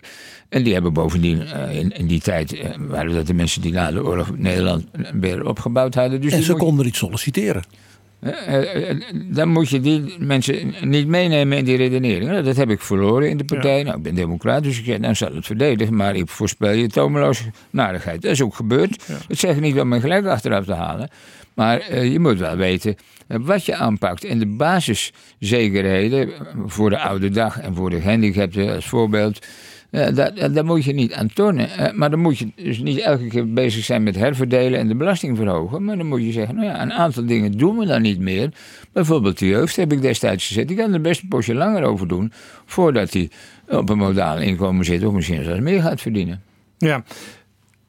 U assisteerde al heel jong ministers. eh, Hans Wiegel, Ed van Tijn. Daarna werd u zelf minister. Eh, vanuit de Eerste Kamer de laatste jaren heeft u ook jonge ministers waargenomen. Is er in dat vak iets eh, veranderd? Als, karaktertrek of als ervaring moet je wel iets meebrengen van je moet tegen een stootje kunnen. Je moet tegen kunnen dat je in een glazen huis leeft. Dat je overal en altijd op alles wordt aangesproken. Wat, wat is nou het verschil met vroegere ministers en huidige? Nou ja, dat is dat ze allemaal worstelen, worstelen met die complexiteit. Ze moeten nog meer met elkaar rekening houden dan dat ze altijd al wel deden. En vaak ja, komt het op een heel onverwacht moment. Eh, eh, ook maar weer de actualiteit. Er is eh, een hele discussie over het drugsbeleid in Nederland. Zal ik u nu niet mee vermoeien. Eh, en de jeugdhulpverlening heeft met twee problemen te maken. Eén, dat men zegt we hebben te weinig geld. En twee, we worden nu aangesproken over het feit dat ze nu en dan mensen te vroeg worden losgelaten. En dan ga ik dat hier vandaag niet beleggen met allerlei politieke uitspraken. Maar ik zeg wel, eh, dat zijn dus twee verschillende circuits. Zeg maar justitie en, eh, en, en, en volksgezondheid, het welzijn. Ja, die allemaal hun eigen regels hebben, hun eigen privacy-elementen, hun eigen budgetteringsregeling, competenties die over van alles en nog wat verdeeld zijn. De ene minister, in dit geval minister De Jonge, eh, die moet vragen onder de druk van de gemeente om een paar honderd miljoen extra aan zorg voor de jeugd. Voor de vers- verslaafde jeugd, anderszins de behoeftige jeugd. En de minister van Justitie, eh, die bonkt vergeefs op de, op de deur om het justitiële systeem eh, nou ja, iets meer ruimte eh, te geven. En dat allemaal in een publieke opinie die van de afdeling gedogen is in, in, een, in enige aantal, een behoorlijk eh, aantal. Ja, wie betaalt de rekening? Nou, heb je Minister van Financiën weer. Ja, ik begrijp wel dat hij ze nu een slapeloze nacht heeft. Dan kan hij het hebben. Maar neem niet weg dat hij natuurlijk wel bij uitstek degene is die wij als belastingbetaler toch aanspreken van... eh, kunt u als ministers niet een beetje meer, eh, in plaats van apart, gezamenlijk die dingen aanpakken... in plaats van, eh, nou ja, de rekening... Ja. Maar, dat verwijt ik niet de jongen en, en, en Grapperhaus, maar even, ik constateer het met die twee thema's. En wat u nu zegt, je moet dingen integraal bekijken. Dat wordt ook eens in de vier jaar opgeschreven in allerlei verkiezingsprogramma's. Vervolgens komt er een kabinetsformatie. En dan zitten een aantal lieden eh, vijf, zes maanden bij elkaar. Dan komt daar een, een akkoord uit. Zelden integraal. Precies, want dan zijn weer alle belangen die zijn er ook weer ingepusht. En nou ja. En dat akkoord is dan heilig. En dan na een aantal maanden wordt vaak op allerlei terreinen al gezien dat de werkelijkheid toch weer anders is. Hoe kijkt u vanuit die langjarige ervaring naar die enorm lange kabinetsformaties in Nederland? Nou ja, dat probleem is dit jaar of vorig jaar niet voor het eerst gesignaleerd. Het is al langer aan de gang. Met de complexiteit, met de groei van de complexiteit, zijn die afspraken ook langduriger en ingewikkelder geworden. Terwijl nog steeds blijft gelden dat de maatschappij eigenlijk alleen maar sneller eh, loopt. eh, of althans wil. Dus het kan eigenlijk gewoon niet meer, zo'n systeem. Nee, je weet dat als het ware, als de, de ink droog is, dat, nou, ik wil niet zeggen dat het helemaal verouderd is, maar dat, dat je tegen allerlei dingen aanloopt die in dat, dat smalle zweetkamertje niet had kunnen voorzien. Dus het is geen verwijt aan de mensen die dat opschrijven. Ik ben zelf ook een aantal keer bij formaties betrokken geweest, dus ik, ik, ik snap heus wel hoe, hoe het werkt en hoe ingewikkeld het is. Maar daarom moet je jezelf meer ruimte geven en moet de volksvertegenwoordiging ook meer ruimte geven aan het gouvernement, is mijn opinie gebleven. Moet je dus eigenlijk, zou je dus eigenlijk toe moeten in het ideale systeem naar een heel kort akkoord van misschien een paar A4'tjes en dan vervolgens het nieuwe kabinet, de ministers bij elkaar, een, dat plan laten invullen. Ja, het is niet zo erg dat die minister vaak ter verantwoording wordt geroepen in de Kamer. Maar die minister is, er, is niet voor niks de uitvoerende macht. De wetgeving doe je samen met het parlement, maar je, moet niet op elke slag zout eh, leggen. Dat wisten de Romeinen eh, al. dat, eh, dat je niet met de kleine dingen moest bezighouden. Dat je dingen moest overlaten aan een maatschappij, aan een bedrijf, aan, de doktoren en de verpleegkundigen in het ziekenhuis en, de docenten in de klas. Maar wij willen ons met alles bemoeien. Daar willen we de minister over ter verantwoording roepen. Nou, die roept uiteraard weer een commissie in het leven. Eh, en dan naar aanleiding van een een of andere rapport van incidenten wordt de wet weer aangepast. En zo blijven we elkaar maar bezighouden. Dat kan iedere ja, laten we zeggen, er- ervaren organisatiedeskundigen je uitleggen dat, dat dat zo niet werkt. Maar, ga ik terug naar mijn eerdere verhaal. Eh, Als we dingen terug willen leggen in de samenleving, aan het, het schoolbestuur, o- of aan het ziekenhuis, of aan de werkploeg in de fabriek. Ja, dan moet je dat ook willen. En dan moet je dus zeggen, ja, er gebeurt ook wel eens iets. En alleen als die minister notoor heeft zitten slapen en al na drie waarschuwingen, ja, dan is het ook wel een keer mooi geweest. Maar het incident regeert wel heel vaak. Hè? Ja, als er nu ergens een, een TBS'er ontsnapt, dan is er meteen een Kamerdebat. Met de minister van Justitie. Ja, en vaak is de Kamer, eh, nou ik wil niet zeggen de enige, maar een van de pleitbezorgers geweest om een beetje ruimhartiger te zijn en het mensen niet permanent op, eh, opsluiten. Maar goed, dat is een beetje flauwe opmerking voor iemand die eh, ook wel in de Eerste en Tweede Kamer heeft gezeten, maar net iets, iets meer de bestuurlijke activiteiten binnen en buiten de overheid. Ja, de u- ik, noem het ook omdat uw collega Buma zei in zijn afscheidsinterview bij Buitenhof. eh, er worden bij wijze van spreken elke dinsdag 50 spoeddebatten aangevraagd. Hij vindt dat verschrikkelijk. Dat moet u dus, neem ik aan, ook heel, heel raar vinden dat dat nog steeds zo is elke week. Ja, omdat het ineffectief is. De spoed is er al af. Als het niet vandaag kan worden gevoerd, ben je dan helemaal geen 50 debatten eh, in twee, drie dagen kunt, eh, kunt voeren. Dus het kennelijk ook even wachten. Kijk, als hier eh, de Delta-kering eh, kapot is eh, van vandaag, dan, maar dan hoef je niet over te debatteren. Dan moet de minister van Dienst gewoon maatregelen treffen. Zeg ik nu even gemakkelijk. En die komt er achteraf verantwoording eh, over afleggen. Maar de aantal, de motie die er is, natuurlijk schrikbarend. Ook in de Eerste Kamer. eh, alsof dit land. Ook in de Senaat? Ook in de Senaat. Eh, alsof de, eh, het land geregeerd wordt per motie. Eh, eh, dan wil ik niet zeggen dat ik vroeger heb geleerd van mijn hooggeleerden. Dat als een motie werd aangenomen, dat de minister dan of ter plekke moest zeggen: Ik verander het beleid of ik treed af. Ja, nu. een minister telt niet mee als hij niet een koffer met moties eh mee zult naar huis. Dat is toch een, een verkeerd beeld van hoe we Nederland moeten aanpakken. Dus terug naar mijn kernstelling. We moeten die scheiding der machten, die niet voor niks in onze grondwet staat, die moeten we wat meer respecteren. Als die minister naar huis gestuurd moet worden, dan kan het parlement dat doen.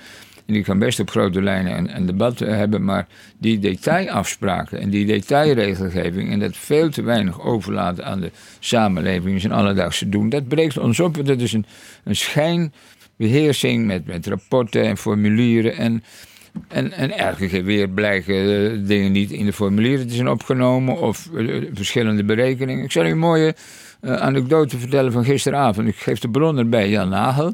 Eh, niet van het CDA, maar toch iemand die wel. eh, wel Jan Nagel wel nu oplet. 50 plus en in het verleden onder andere Nieuw Links en Leef van Nederland. Ja, die wijst erop dat bij, dus de, de, de staat heeft ooit afgesproken dat hij voor laten we zeggen, de economische modellen dezelfde indexatie. eh, eh, eh, vooronderstellingen hanteert. Nou, bij de hele discussie over de pensioenrisico's is er een bepaalde eh, inflatieraming vanuit een overzet anderhalf eh, procent. Planbureau voor de leefomgeving, dat is nu in verband met het klimaatbeleid ook met ramingen gekomen. En die werkt nu met 3 procent. Ja, eh, kosten deze, het, loopt natuurlijk aardig, eh, aardig op. En zo houden we elkaar bezig met allerlei modellen van de werkelijkheid. Terwijl de eerste maatregel nog moet worden getroffen om de tram terug te krijgen. Of de elektrische auto's wat minder te subsidiëren. Of wat je allemaal zou willen verzinnen. Eh, dus de consistentie wordt alsmaar moeilijker in ieder zijn eigen leefwereld. Met zijn eigen regelingen, zijn eigen rekenmodellen, zijn eigen dit, zijn eigen Ja, dat, dat is ook nog een punt. Hè? Want als er na veel gepiep en gekraak, bijvoorbeeld in de kabinetsformatie, een beleid op papier is gezet, dan gaat het vervolgens nog naar het Centraal Planbureau. Dan moeten ze twee weken wachten. En dan blijkt nog niet alles in het plaatje te passen en dan moeten ze weer opnieuw gaan onderhandelen. Nou ja. Ik ben er wel een fan van eh, dat alle partijen toch een beetje gedwongen worden om hun plannen eh, door te laten rekenen. Want anders dan, dan weet ik wel dat de toekomst eh, de beste betaler is, maar dat moet dan nog maar blijken.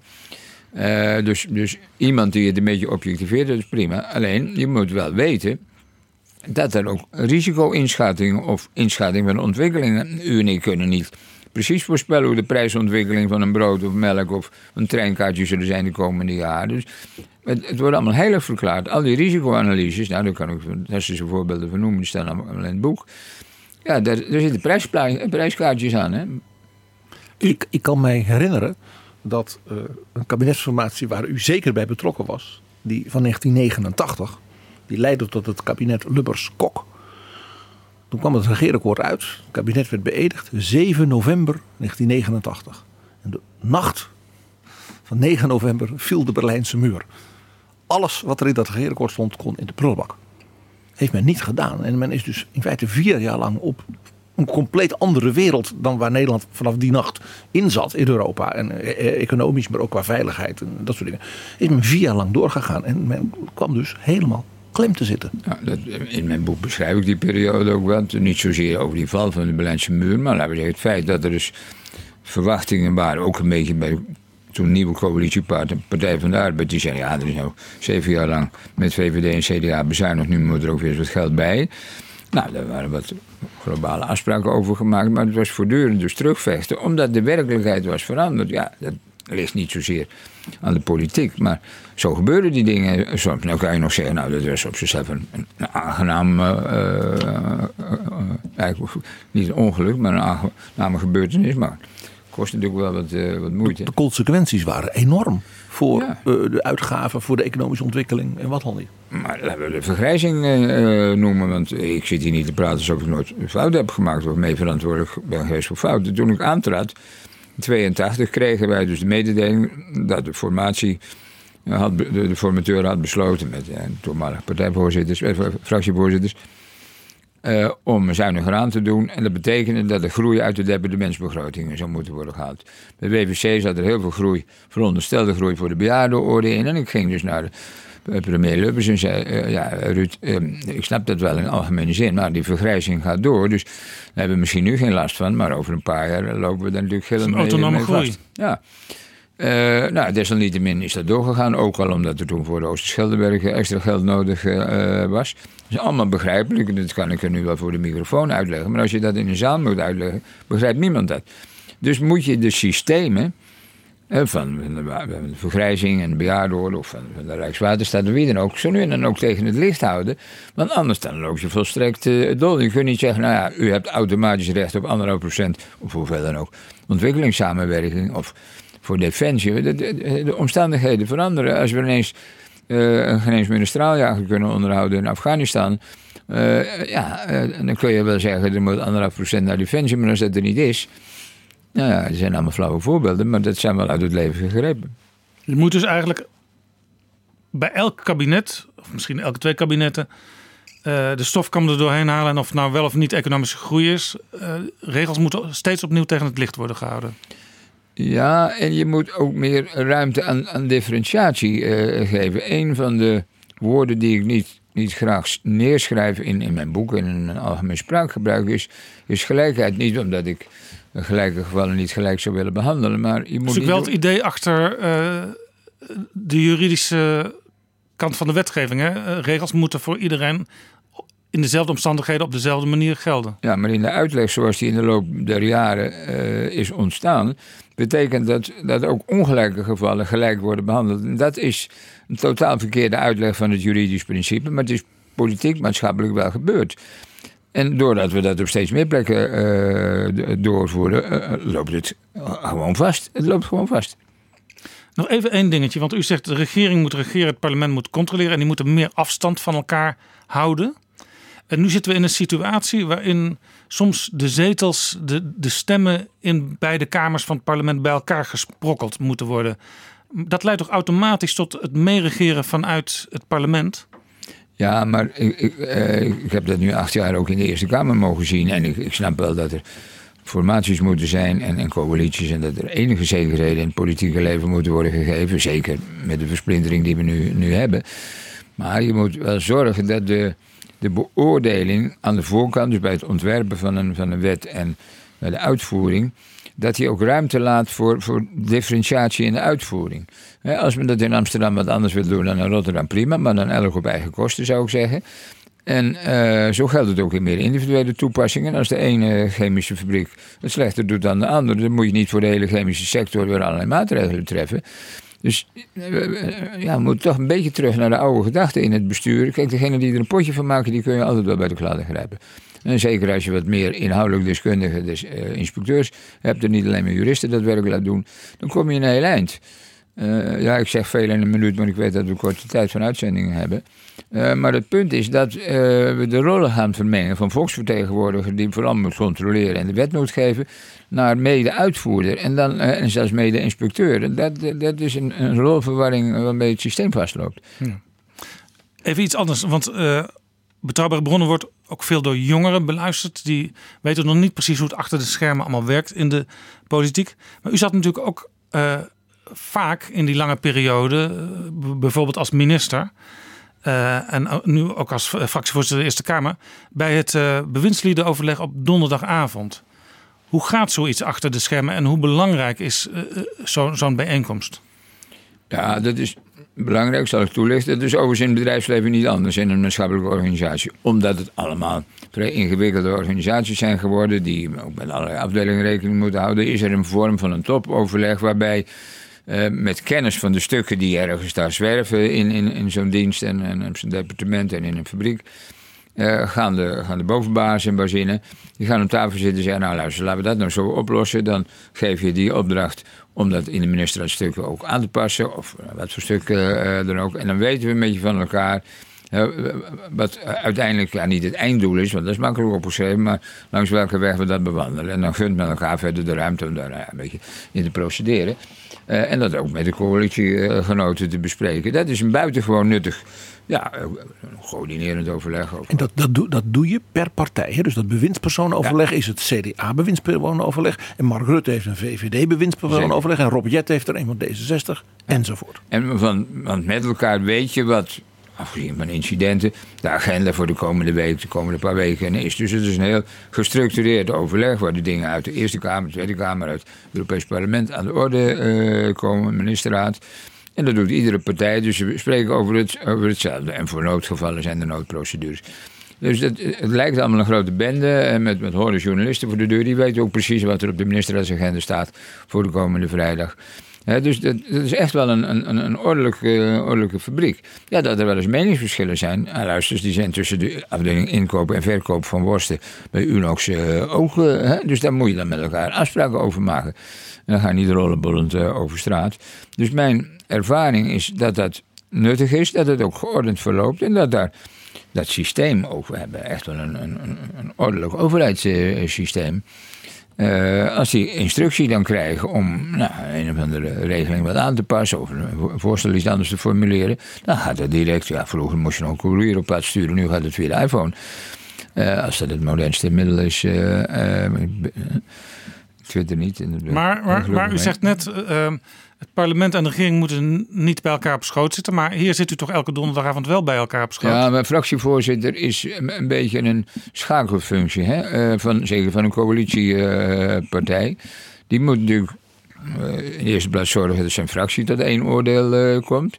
Maar die zit er ook niet om eh, permanent het kabinet in de problemen te brengen. Dus die moet ook zelf met zijn collega's spreken. Maar ik ga niet met alle VVD-fractieleden in de Eerste Kamer spreken. En de ChristenUnie en D66 niet omdat het slechte mensen zijn. Maar dat is ondoenlijk.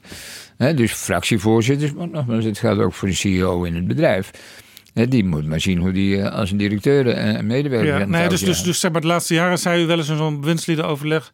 eh, dit onderwerp ligt moeilijk in mijn fractie. Ik, ik, we bespreken het, maar het ligt moeilijk. En als jullie nou dat een beetje veranderen... dan zou het misschien makkelijker worden voor ons. Zo gaat dat dan. Ja, maar dat is dus in de sfeer van de, eh, van, van de grote lijn. Wij zitten daar niet te bespreken hoe artikel 17 van eh, de onderwijswet eruit moet zien. Ik weet niet wat erin staat. Was maar, dat eh, vroeger wel eens zo, toen u minister was en u ook in dat CDA-bewindsliedenoverleg zat, dat er bijvoorbeeld vanuit de fractie werd gezegd van ja, Elko, we zouden het toch wel heel erg vervelend vinden als dit over twee weken op deze manier Ja, besloten wordt op jouw terrein. Ja, nee, maar daarom zeg ik ook, er zijn wel dingen veranderd vergeleken bij vroeger. Maar het is vooral dat het meer is. Maar vergeet niet dat de dingen die echt aandacht krijgen, dat zijn wel de grotere dingen. Maar er zijn ook heel veel onderwerpen die gewoon aan zijn mes door de boter gaan. Maar die wel een formele procedure eh, door moeten. Eh, en dan is het goed. eh, Dat je daar een, nou we zeggen, een, een mechaniek hebt eh, waar een paar mensen met een oliekannetje rondlopen om te voorkomen dat pas in een ministerraad of met een of extern overleg blijkt dat het niet, niet helemaal goed voorbereid is. Niet omdat daar een enorme ideologische strijd is, want die is al lang eerder gevoerd bij een kabinetsformatie of zo. Maar gewoon in de, in de uitvoering. Ja, gebeurt ook wel eens dat er gewoon iets vergeten is. Ja, dat kan toch ook, eh, ook gebeuren.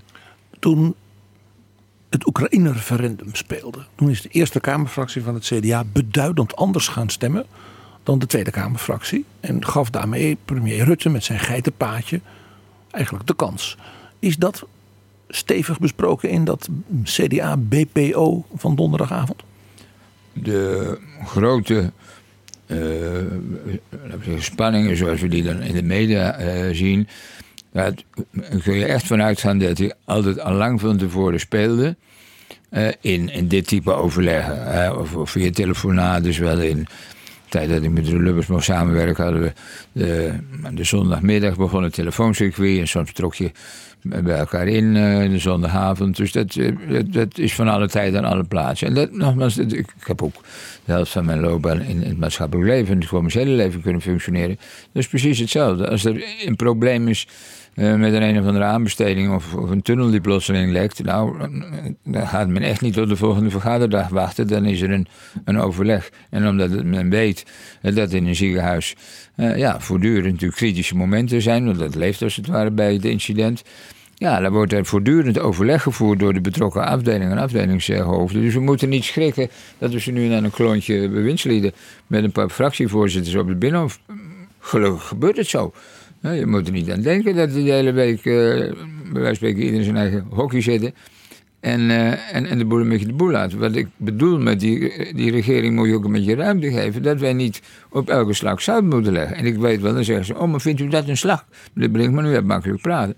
Ja, maar er zijn duizenden slakken. Dan heb ik nog alleen maar de slakken van de dierentuin. Maar er zitten nog veel meer beesten in de dierentuin. Bijvoorbeeld die Oekraïense hond, die maar voortdurend blafte. Ja, en eh, zo zijn er allerlei buitenlandse voorbeelden, dus ik maak het breder, waarbij wij ons moeten realiseren dat we eerst jarenlang gebouwd hebben aan een Europa, omdat we wisten dat we onze tomaten en andere producten graag in het buitenland eh, aan de man en vrouw eh, eh, brachten, met wat minder hindernissen. Dat we als toerist ook graag met wat minder controles de grenzen over wilden.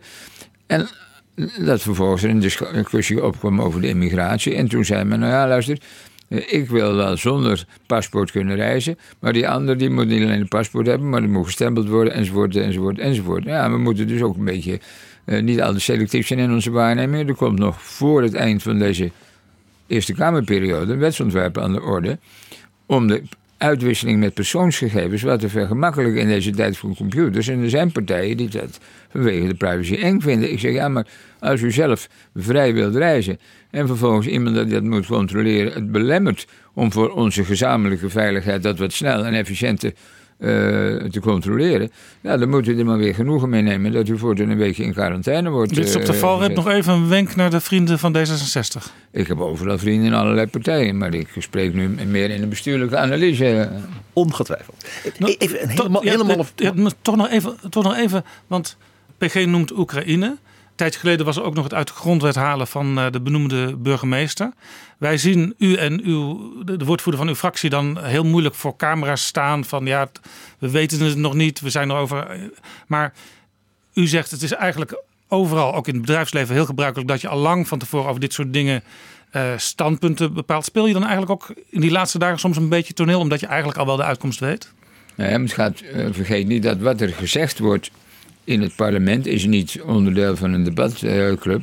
dat maakt onderdeel uit, vraag en antwoord eh, van de wetsgeschiedenis. En bij rechterlijke toetsing, wat heel vaak gebeurt, dan wordt er dus teruggegrepen naar artikel 11, eh, een willekeurig nummer. En dat is zo ge- ge- geformuleerd, maar er zijn maar een paar woorden. Eh, maar moet je kijken wat er allemaal aan, aan, aan aan verduidelijking in het, in het wetsproces is geweest. Dus het doet er wel toe. Hè, zelfs zo zouden we de uitkomst wel weten. Maar wat staat er dan precies? Want die toetsing die met name de Eerste Kamer doet, is er één op uitvoerbaarheid, op zorgvuldigheid en juridische houdbaarheid.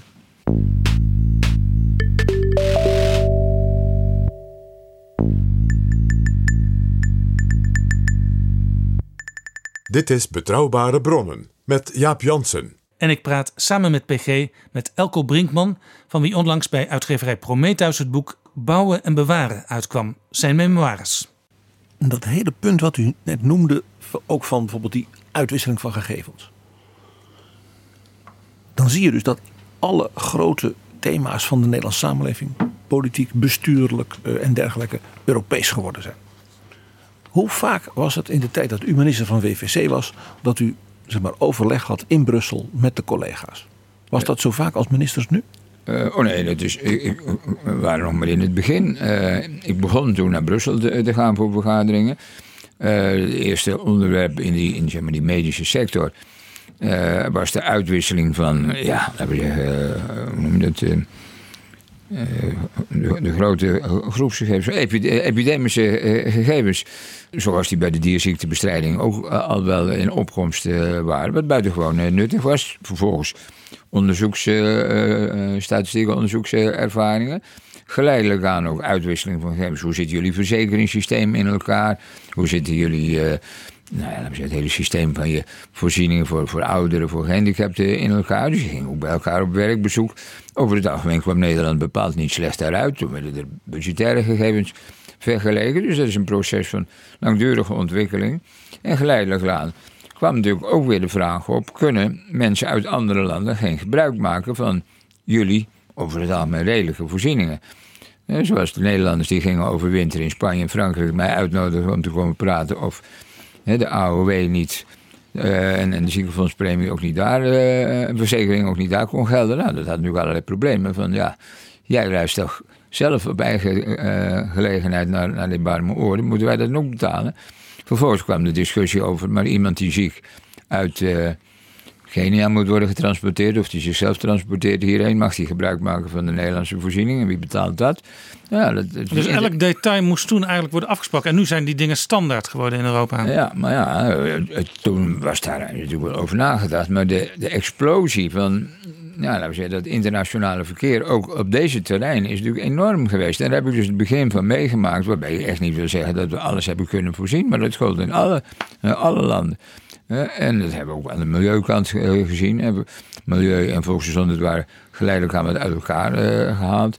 Ja, nu zie je natuurlijk weer dat dat weer op een of andere manier elkaar uh, opzoekt. Ja. U begon als jong minister. Nu hebben we bijvoorbeeld Wopke Hoekstra als jong minister. Die zat ook bij u in de Eerste Kamerfractie. Bent u zeker in zin ook een van zijn leermeesters in de politiek?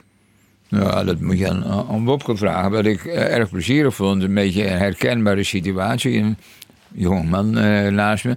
Maar die in het bedrijfsleven en internationaal hebben dat uh, meegemaakt. En die ik op zichzelf echt leerde kennen in de Eerste Kamer. Maar direct al na een paar weken, maanden zijn nou, die kunnen we een boodschap sturen.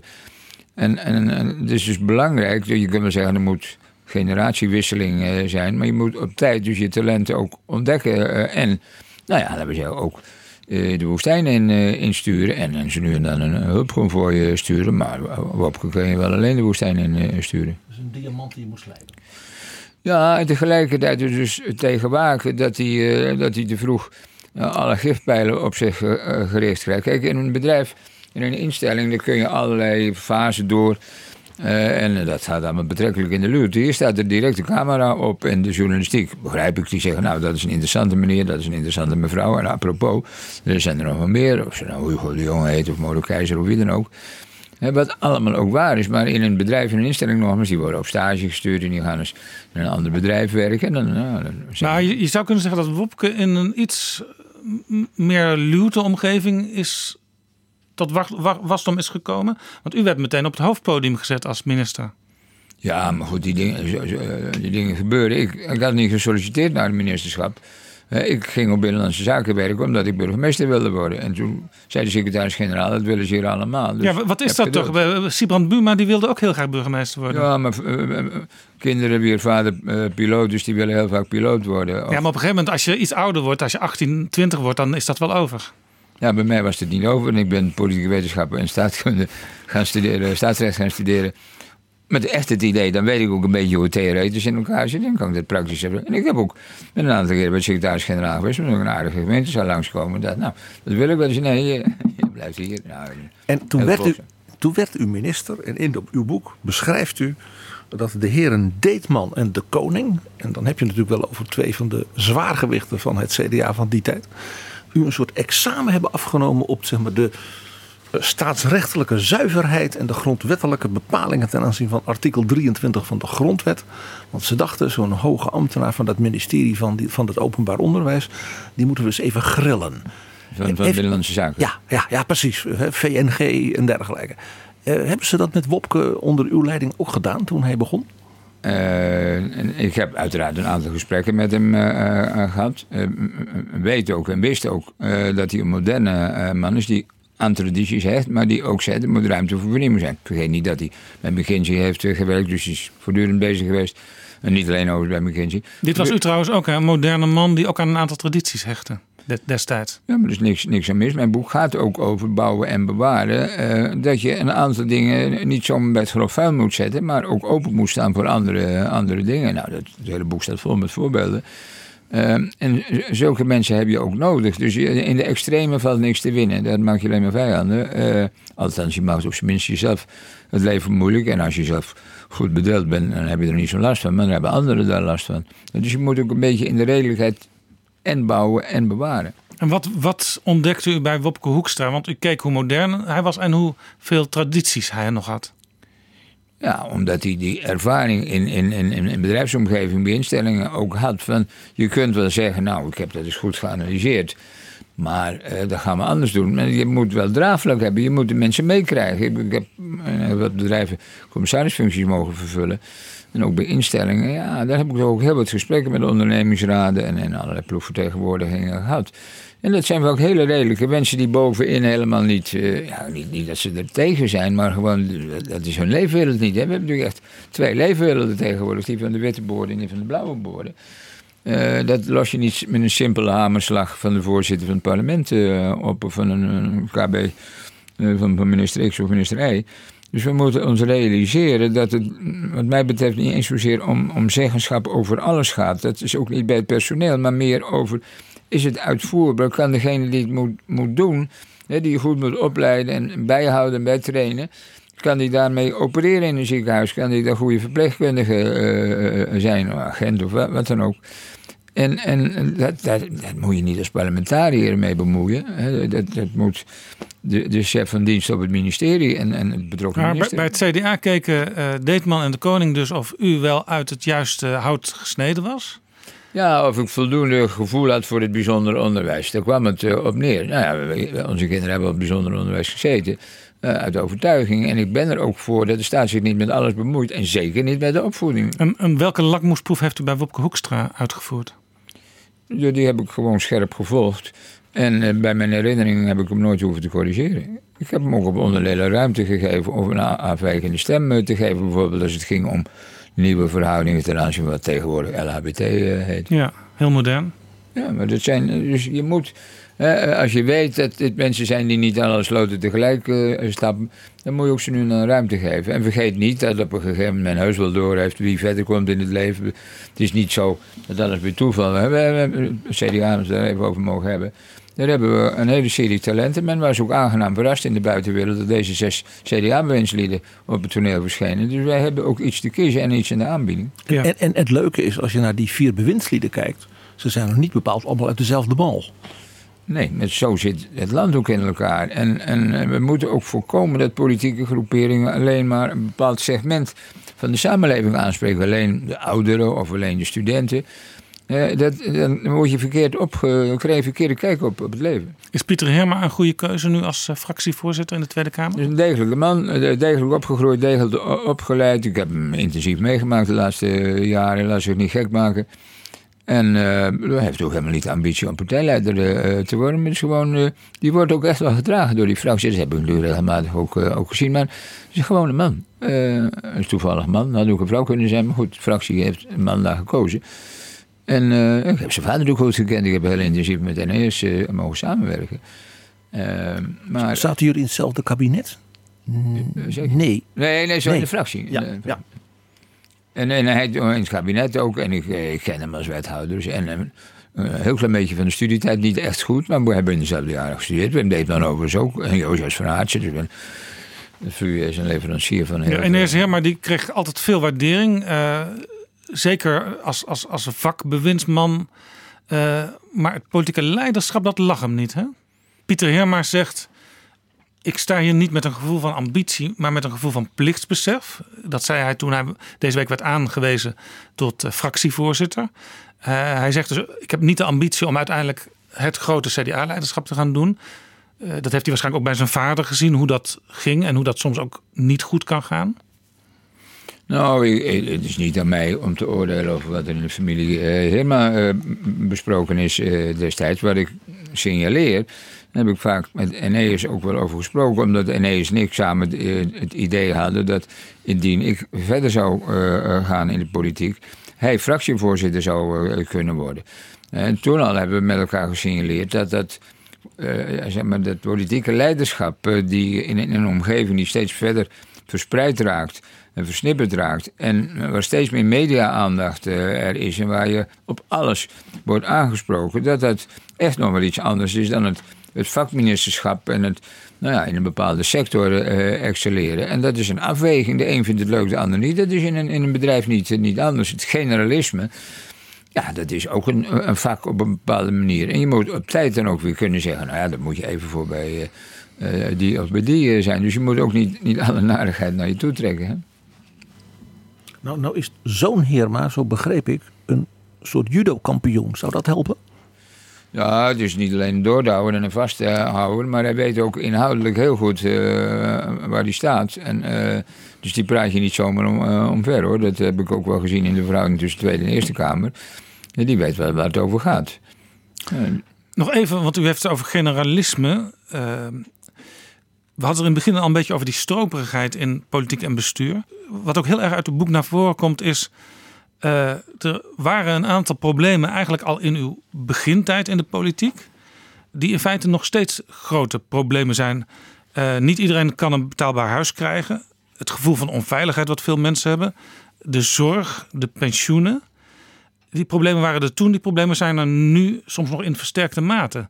Hoe kan dat dat eigenlijk diezelfde problemen gewoon er steeds blijven liggen? Ehm, voor een deel heeft het te maken met het feit dat het zo groot was en, en groter is geworden dat het, ja, als je het echt wil oplossen, zulke enorme bedragen, zulke enorme veranderingen met zich brengt, dat men dat niet aandurft. Dat vindt men te, ja, te riskant. Er is iets voor te zeggen, maar daardoor wordt, wordt het alleen maar eh, erger.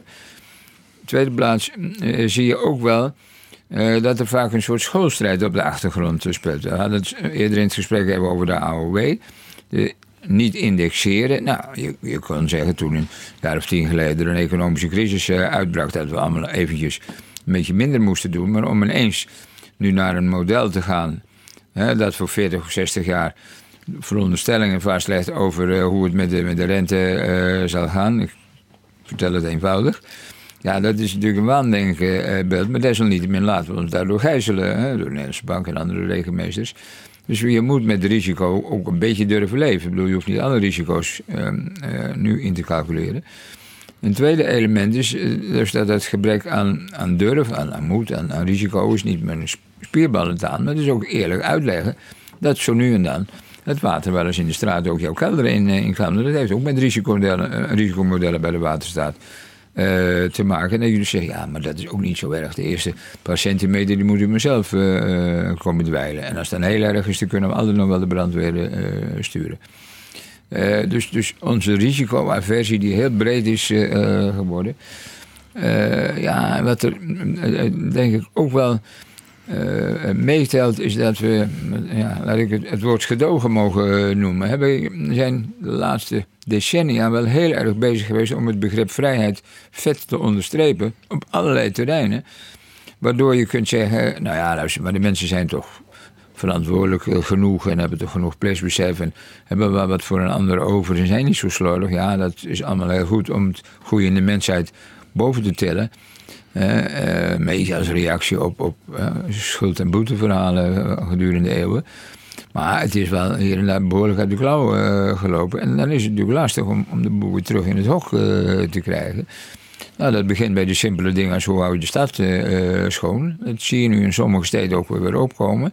Die, die, die, die vuilnisophal die sneller is. Maar ja, dan, dan, dan komt er anders de rommel op. Maar eh, zelfs op in, in, in, in plaatsen waar schuld en boete nog heel lang dominant waren, bijvoorbeeld op Urk, eh, doen jongeren eh, rondom het weekend aan coma zuipen. Ja, en mo- moet dan de staat voor de rekening eh, opdraaien. Kijk, we zullen iemand niet dood laten bloeden, dat is mijn stelling. Dus die wordt opgehaald door de ambulance en de dokter van dienst helpt. Zo simpel zit de wereld gelukkig nog in elkaar. En in, in ieder geval in Nederland. Maar de rekening, dat weet ik niet of we die allemaal als gemeenschap moeten blijven betalen. En eh, ik noem dus dit soort voorbeelden. En dat geldt ook bij, eh, bij drugs, die uiteindelijk ten detrimente van de individuele mensen eh, zijn. Of als we al te, ja, te, gemakkelijk zijn in het vrijlaten van mensen die eigenlijk een tijd achter slot en grendel moeten. Dan, ja, de kruik gaat zo lang te water tot die barst. En in die maatschappelijke fase zitten we nu wel een beetje. U heeft in uw boek een passage waarin u vertelt over gesprekken met uw medewerkers. En dan komt u met elkaar, onder andere met Frits Wester, toen een van uw eh, praatpalen, tot tien pijnpunten in het Nederland van vandaag. Ik lees ze heel kort even voor. De gemeenschapszin is onder de maat. We zijn het gevoel van veiligheid kwijt. We schuiven de verantwoordelijkheid te veel af. We hebben het gezag de wacht aangezegd. We missen de ruimte, overbevolking en immigratie. We zijn ons bestuur gaan wantrouwen. We zijn onze privacy gaan overwaarderen. We verleren het werken. Schuld is geen schande meer. Moraal en moreel zijn zoek. Weet u nog wanneer u dat definieerde? Zo? Dat is, eh, ik denk 92 zoiets geweest. 2 november 1992. Nou, en dat zou nu nog zo uitgesproken kunnen worden. U begrijpt waarom het mij zo trof. Ik hoor dit vandaag de dag in een aantal opzichten weer. Of nog, of opnieuw. Wat is 30 jaar geleden was dit al. Ja, ik denk opnieuw, dat is niet een, een ouderwets verhaal over de golven van de tijd. Nee, dit is, dit is Eh, meer dan dat. Maar als je echt een analyse maakt, en die heb ik toch geprobeerd te maken, ook met allerlei voorbeelden, dan kun ik, kan ik bij wijze van spreken de wetsontwerpen wel aangeven waar ik nog in de tachtiger jaren mee geconfronteerd ben geweest. Die vaak tot in de negentig jaren doorliep in, de, in het verhaal. Over de inentingen ben ik heel intensief bezig geweest, de verplichte inenting. Eh, nou, de discussie is weer, eh, weer opnieuw begonnen. Dus ik wil niet, niet zeggen, ik heb allemaal daar gelijk in. Maar ik signaleer dus wel dat wij eh, ja, wel heel veel tijd nodig hebben om een aantal dingen van toch eigenlijk zijn deze tien onderwerpen. Dat, dat, dat gaat over partijgrenzen heen, maar dan moet je wel een keer een, een, nieuw soort maatschappelijk akkoord over afsluiten. Want je kunt niet volstaan, het is te veel ik en te weinig wij. En dat, je moet het wat praktisch ook handen en voeten geven.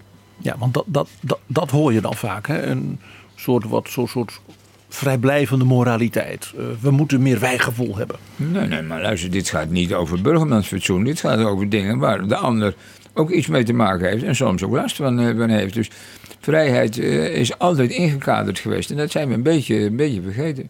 En die gelijkheid noemde u ook al als een punt van Ja, te dus monomaan. Gelijkheid waar de gelijkheid nuttig is, maar waar dingen ongelijk in zaken en, en mensen in ongelijke omstandigheden zitten, ongelijk moeten worden beoordeeld, moet je die ongelijkheid ook terugbrengen.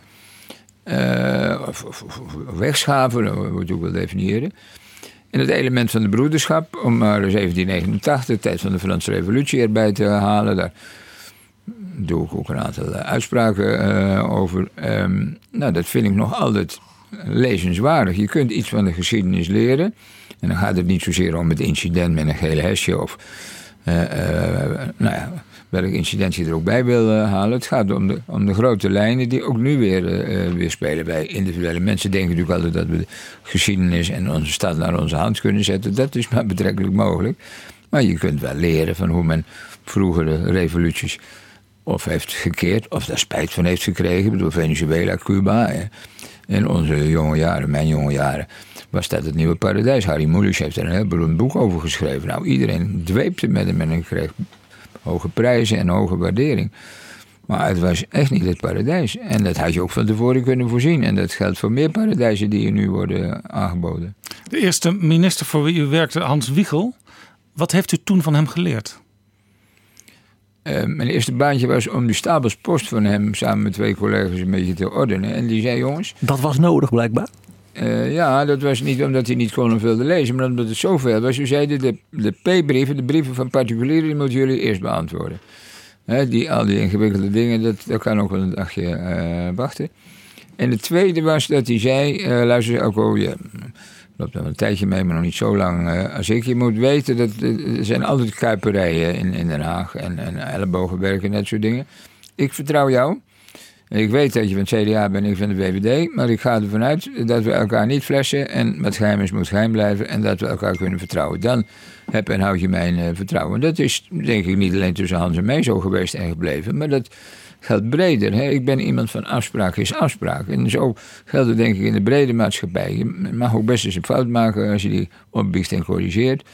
Maar je moet niet, eh, niet bezig zijn in, in een samenleving, ook niet in een bedrijf om elkaar pootje te lichten. Als je in de handel eh, zit, iemand die voortdurend de boel een beetje belazert, die, die, die gaat ook zelf een keer op de fles. Dus dat, dat do des, eh, het geven en, en nemen, dat, dat, dat hoort er ook een beetje in de politiek in te zitten. Dat kan je niet afdoen als, ach, dat gepolder. We hebben elkaar nodig. Dat was Wieg. De eerste minister-president waar u voor werkte was, althans als minister, Ruud Lubbers. Wat heeft u van Ruud Lubbers geleerd?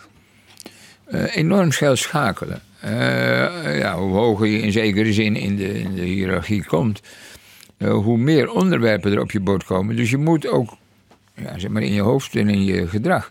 Terwijl je bij wijze van spreken met abortus bezig eh, bent, dat is allemaal uit het leven gegrepen, dat een voorbeeld. Ook het mediabeleid in Hilversum en ook nog een een of ander probleem met de oorlogsslachtoffers. Je moet ook nog bij de première van de opera samen zijn omdat de koningin daar zit. Je moet voor de koningin daar zijn. En dat zeg ik als opera-liefhebber gaat voor. Eh, ja, de koningin en de koning gaan altijd eh, eh, voor.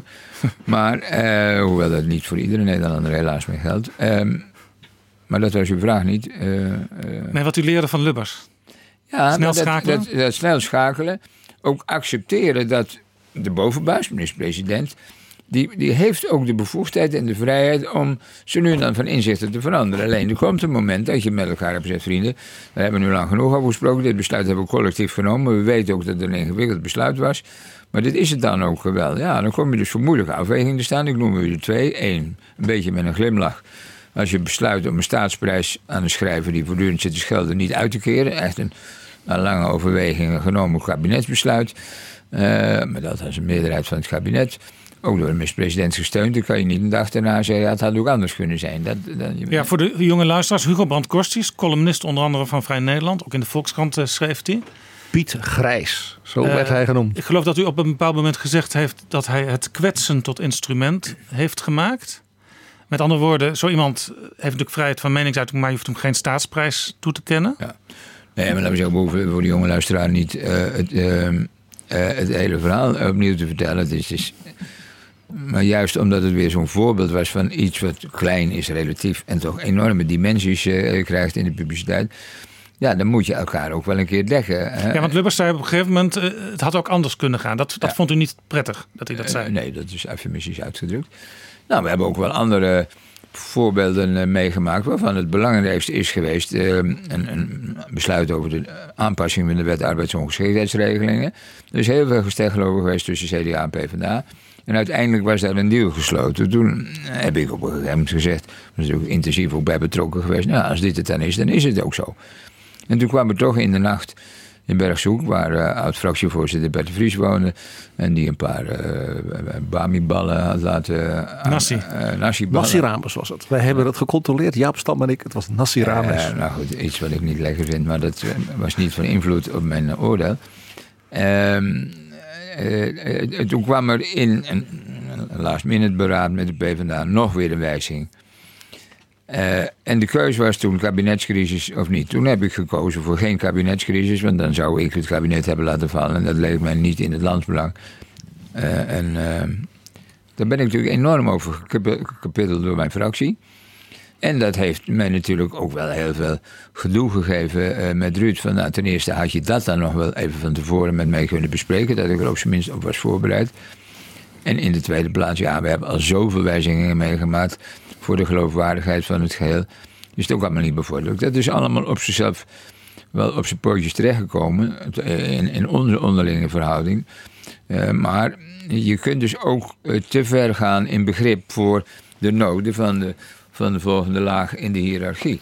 Ja, dus Eh, besluit is besluit op een bepaald moment. Ja, ja. En maar laten we zeggen, in de, in de, in de, het, in de, in de politiek heb je natuurlijk altijd de gelegenheid om of af te treden of af, eh, afgezet eh, te worden. Zoals het logisch in een bedrijf ook wel is.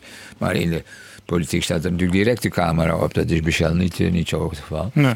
Ehm, en en daar, daar leer je dus ook wel weer van door ja, nog intensiever te communiceren.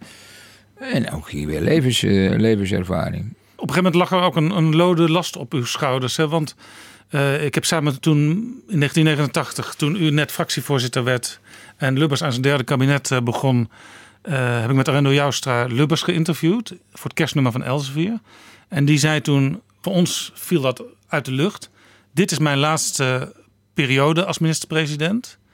Mijn opvolger is Elko Brinkman. Het was voor mij echt een verrassing. Dat moet u aannemen, daar heb ik in mijn boek ook het een en ander over geschreven. Ik heb, dat ook, toen ook dagboeken bijgehouden, dus ik kon in ieder geval toch met, met redelijk zekerheid eh, vertellen uit, uit eerste hand eh, wat er gebeurd is.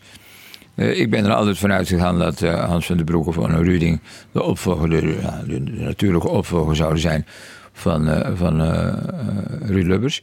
Nou goed, het ging toen zo en dat, dat heeft, ja, nou, ja, zeggen, niet mijn werk belemmerd, maar alles werd uitgelegd, elke individueel besluit. Nou, dat zal hij wel doen omdat hij premier wil worden. Terwijl het helemaal niet zo zeker was dat CDA weer opnieuw in de regering zou komen. Dat wisten Ruud en ik ook wel samen. Men, men zag u voortdurend met een soort zaagje aan de poten van de stoel van de heer Lubbers. Omdat de heer Lubbers had gezegd, ik geef hem een zaagje. Ja, maar goed, er is natuurlijk later enorm veel over gefilosofeerd. Het is me ook wel opgevallen in de eerste reacties op dit boek van mij. En dat men denkt dat het hele boek eh, over deze affaire gaat. Nou, dat, ik kan u verzekeren dat er eh, honderden pagina's over andere onderwerpen gaan. Heel veel over stedenbouw en architectuur. Een opmerkelijk element in dat boek. Omdat, eh, ik begin ook met een, een citaat van Frank Lloyd Wright. Ehm, eh, eh, stedenbouw is de meest, meest duidelijke verpersoonlijking van onze samenleving. Hè, de manier waarop we ons samenleven inrichten. En dat klinkt nu filosofisch, maar lees het maar eens met heel veel, denk ik, herkenbare punten van, van afweging. Eh, dus is niet de frustratie over het feit dat ik nooit naar Delft kon omdat ik een alfa ben. Maar eh, het heeft wel iets te maken met de manier waarop wij tegen dat begrip samenleving eh, aankijken. Dat kun je sociologisch, juridisch, stedenbouwkundig bekijken. Maar wij genieten het meest toch van steden waar een wat natuurlijke menging is van, van huidskleuren, van opvattingen, van leeftijden, van, van bouwstijlen, van, eh, van groen en rood. Nou ja, eh, alles wat je allemaal aan verscheidenheid kunt bedenken. Steden waarin men en bouwt en bewaart. ja, dus dat, dat is niet alleen maar een hobby, maar ik denk dat ik daar ook wat ervaring in verschillende functies in, eh, in mee kon geven. Nou, dat heb ik geprobeerd. Maar toch, toch nog heel eventjes, want u kreeg toen die zware last op uw schouder. Een paar weken na Lubbers heb ik toen ook met u, samen met Jan Hoedeman, ook voor Elsevier gesproken. U zei toen, ik was verrast over die uitspraak. Ik voel me daarmee belast. Ik zat er niet om verlegen. Ik ben als fractievoorzitter nog maar een paar weken bezig en dan zo'n discussie. Misschien is het ook om mij nog meer het gevoel te geven dat ik gecontroleerd word. Met andere woorden, u zou het niemand gunnen om zo, zo lang, want dat was ongeveer vijf jaar als kroonprins, over het binnenhof te lopen. En nu is er bij het CDA natuurlijk ook sprake van een soort vacuüm, hè? een interregnum. Ja, maar het is wel een hele verstandige beslissing van de fractie, de Tweede Kamerfractie geweest. Om eh, iemand te nemen die zelf niet de ambitie heeft om kroonprins te, te worden. Of, of, of, eh, leider van, van de club. En dus daarmee is die discussie in ieder geval voorlopig begoeld. Dat wil niet zeggen dat er nooit meer over geschreven en gesproken zal worden. Maar de reguliere verkiezingen zijn pas over twee jaar, als ik goed eh, tel. Eh, dus dan hebben we toch even tijd als politieke beweging, en daar ben ik daar niet meer rechtstreeks bij betrokken. eh nou eens te kijken wie, nou, niet alleen wie is er geschikt, maar er is ook voldoende draagvlak voor. En hoe zijn straks de verhoudingen? Ik bedoel, ik hoop natuurlijk nog altijd dat het CDA weer wat meer zetels krijgt, maar wij eh, zijn nu niet in de positie om te zeggen, nou dan hebben we hier een kroonprins en die zetten we zelf wel even de kroon op en dan moeten de andere partijen even de troon aan, eh, aanreiken. Ik begrijp de beeldspraak. Eh, met excuses aan Frits, van ik nooit zoveel, Brit- eh, Frits Wester, niet zoveel beeldspraak mocht gebruiken, moesten mensen zo lang nadenken. Terwijl ik het juist wel leuk vind om niet alleen in beelden te redeneren, maar ook in, in teksten. Ik begrijp het meestal beter als het in beelden wordt gevat. Ja, maar de cartoons die ik graag in het boek had willen hebben, dat was auteursrechtelijk nogal ingewikkeld en kostbaar. Dus helaas is iets voor een volgende editie.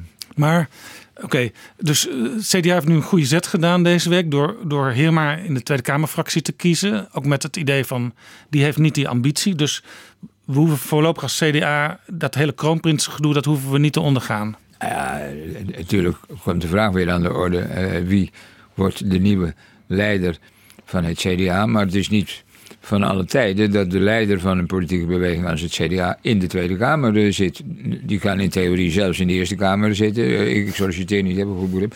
Maar het kan ook gewoon een van de ministers Het kan zijn. maar Dat twee weken zijn dan. Dat is ook, eh, ook gebeurd dus dus ook daar moet nog eens even over nagedacht worden. Ik vind het heel verstandig wat nu is, is besloten. Dan kunnen de ministers gewoon hun werk doen. Er is nog genoeg te doen hè, de komende paar jaar. Ja, niet alleen de CDA-ministers, maar door het hele kabinet. Dan krijgen we de komende weken het resultaat van de Europese verkiezingen. En wie gaat er naar Brussel en wie niet. Dus kort en goed, allemaal hele leuke onderwerpen. Maar veel belangrijker is wat er in de klimaatnet komt te staan. En wat er met die uitwisseling van persoonsgegevens gaat gebeuren. Of de tram niet alleen in Leiden weer eens gaat rijden, maar ook in andere plaatsen. Wie, enzovoort. wie gaat er naar Brussel? Nou ja, ik ben benieuwd of er überhaupt iemand uit Den Haag nu naar Brussel... Nou, er gaat altijd iemand naar Brussel, hè? want de Europese Commissie zit in Nederland. Ja, ja, goed, maar eh, laten we zeggen, uit het kabinet, laat ik het dan zo formuleren. Toen wij aan het gesprek begonnen, wisten we toch ook niet dat er mogelijk weer een staatssecretaris nu van Justitie gaat aftreden. Ik wil maar zeggen, in Den Haag moet je eh, de klok wel heel precies blijven volgen. Is het politieke leven, u heeft het nu ook weer over staatssecretaris Herop Harbers, is het politieke leven niet meedogenloos?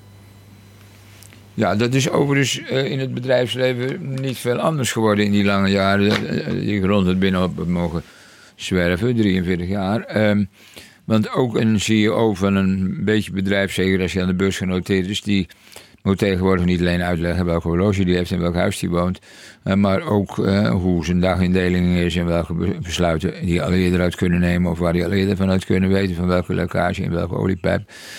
Ehm, dus ja, eh, privacy, eh, glazen huis, dat speelt op meer fronten. Je moet goed op je gezondheid letten. Dat moest je vroeger ook, maar dat is natuurlijk in dit werktempo met zoveel media om je heen. En ook niet media in de zin van journalistiek, maar technische media die ongeveer per minuut vertellen: dit is gebeurd, daar moet je iets van vinden, je moet dat nog even lezen. Je moet, eh, dus het vergt het uiterste van je concentratie. En vroeger kon je zeggen, we hadden twee televisienetten. Nou, ik bedien over het een over het andere. Maar nu zijn er ook nog 700 Twitter-berichten... en eh, 800 mensen die met hun iPhone een foto hebben gemaakt... en een videootje hebben laten En meedraaien. in een raad van toezicht kwam u misschien eens in de drie maanden bijeen? Ja, dat was ook wel iets vaker, maar ook dat is intensiever geworden. Maar goed, een complexere samenleving die een aantal zeggen, vertrouwenspersonen op een aantal posten heeft zitten, die, die mag ook verlangen van die vertrouwenspersonen dat die 24 uur per dag beschikbaar zijn. Maar het, ja, het, je bent dus eerder afgedraaid, zo simpel is het. Tot slot, uw vrouw Janneke eh, heeft gezegd... Elko, je zoekt gedoe graag op. Je wordt vast nog eens voorzitter van de inspraakcommissie... voor demente bewoners in je eigen verzorgingshuis. Ja, dat begrijpt u als een grap en zo was het ook bedoeld. Maar wat ze bedoelt te zeggen is dat ik inderdaad eh, op een bepaalde manier of hou van, van moeilijke dingen of, of eh, nou ja, dat, aantrek. Maar mijn, mijn waarneming vanaf mijn eerste baantje in de schoolkrant en als klasoudste was dat er altijd dingen zijn die niet vanzelfsprekend gaan en waar iemand voor de groep moet gaan staan, letterlijk en figuurlijk. Eh, besluiten helpen formuleren of helpen verdedigen. Ja, dat vind ik, dat vind ik wel leuk. Eh, en, en nou ja, je doet er een beetje ervaring eh, mee op. En je moet tegen kunnen. Je moet het niet allemaal je persoonlijk aanrekenen. Mark Rutte was de ontvanger van het eerste exemplaar van uw memoires. En die maakte toen, zoals wel vaak bij dat soort gelegenheden, een paar hele rake, vriendelijk geformuleerde, maar rake observaties. Een daarvan was wat u eerder vertelde in dit gesprek. U wilde eigenlijk al heel snel, heel vroeg, heel zeker burgemeester worden. En hij zei, dat is dus niet gelukt. Dus je carrière is ja, mislukt. En toen zei hij, maar het is wel heel goed voor het land dat dat is mislukt. Vindt u dat zelf ook? Nou ja, het zijn mijn eigen beslissingen geweest om niet burgemeester te worden. Toen mooie aanbiedingen kwamen voor een aantal grote steden in dit land. Toen zat ik op een punt in mijn, leven en mijn loopbaan dat ik dacht, ik heb hier ook prima naar mijn, eh, mijn zin. En, eh, dus er, er zijn altijd wel keuzes. Je, je moet niet passief achter de graniums eh, gaan zitten. En, en, ik heb misschien een beetje makkelijk praten, maar goed, ik ben ook een ziek geweest. Dus het leven is mij niet voorbij gegaan. Eh, eh, maar ik ben niet, eh, niet ongelukkig met zoals het is gelopen. Maar nu, 71 jaar oud, veel minder functies. De belangrijkste banen stoppen.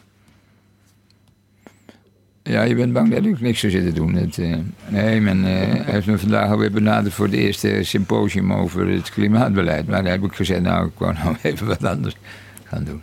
Maar we zien Elko Brinkman nog wel af en toe terugkomen ergens. Oh, vast. Ik bedoel, ik ben niet, eh, niet iemand om alleen maar in mijn bibliotheekje te zitten. Dank u wel voor dit gesprek. Graag gedaan.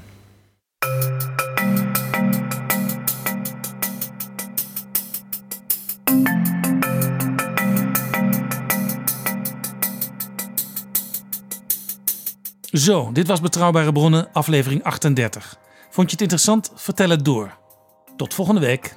Betrouwbare bronnen wordt gemaakt door Jaap Jansen in samenwerking met dag en nacht.nl.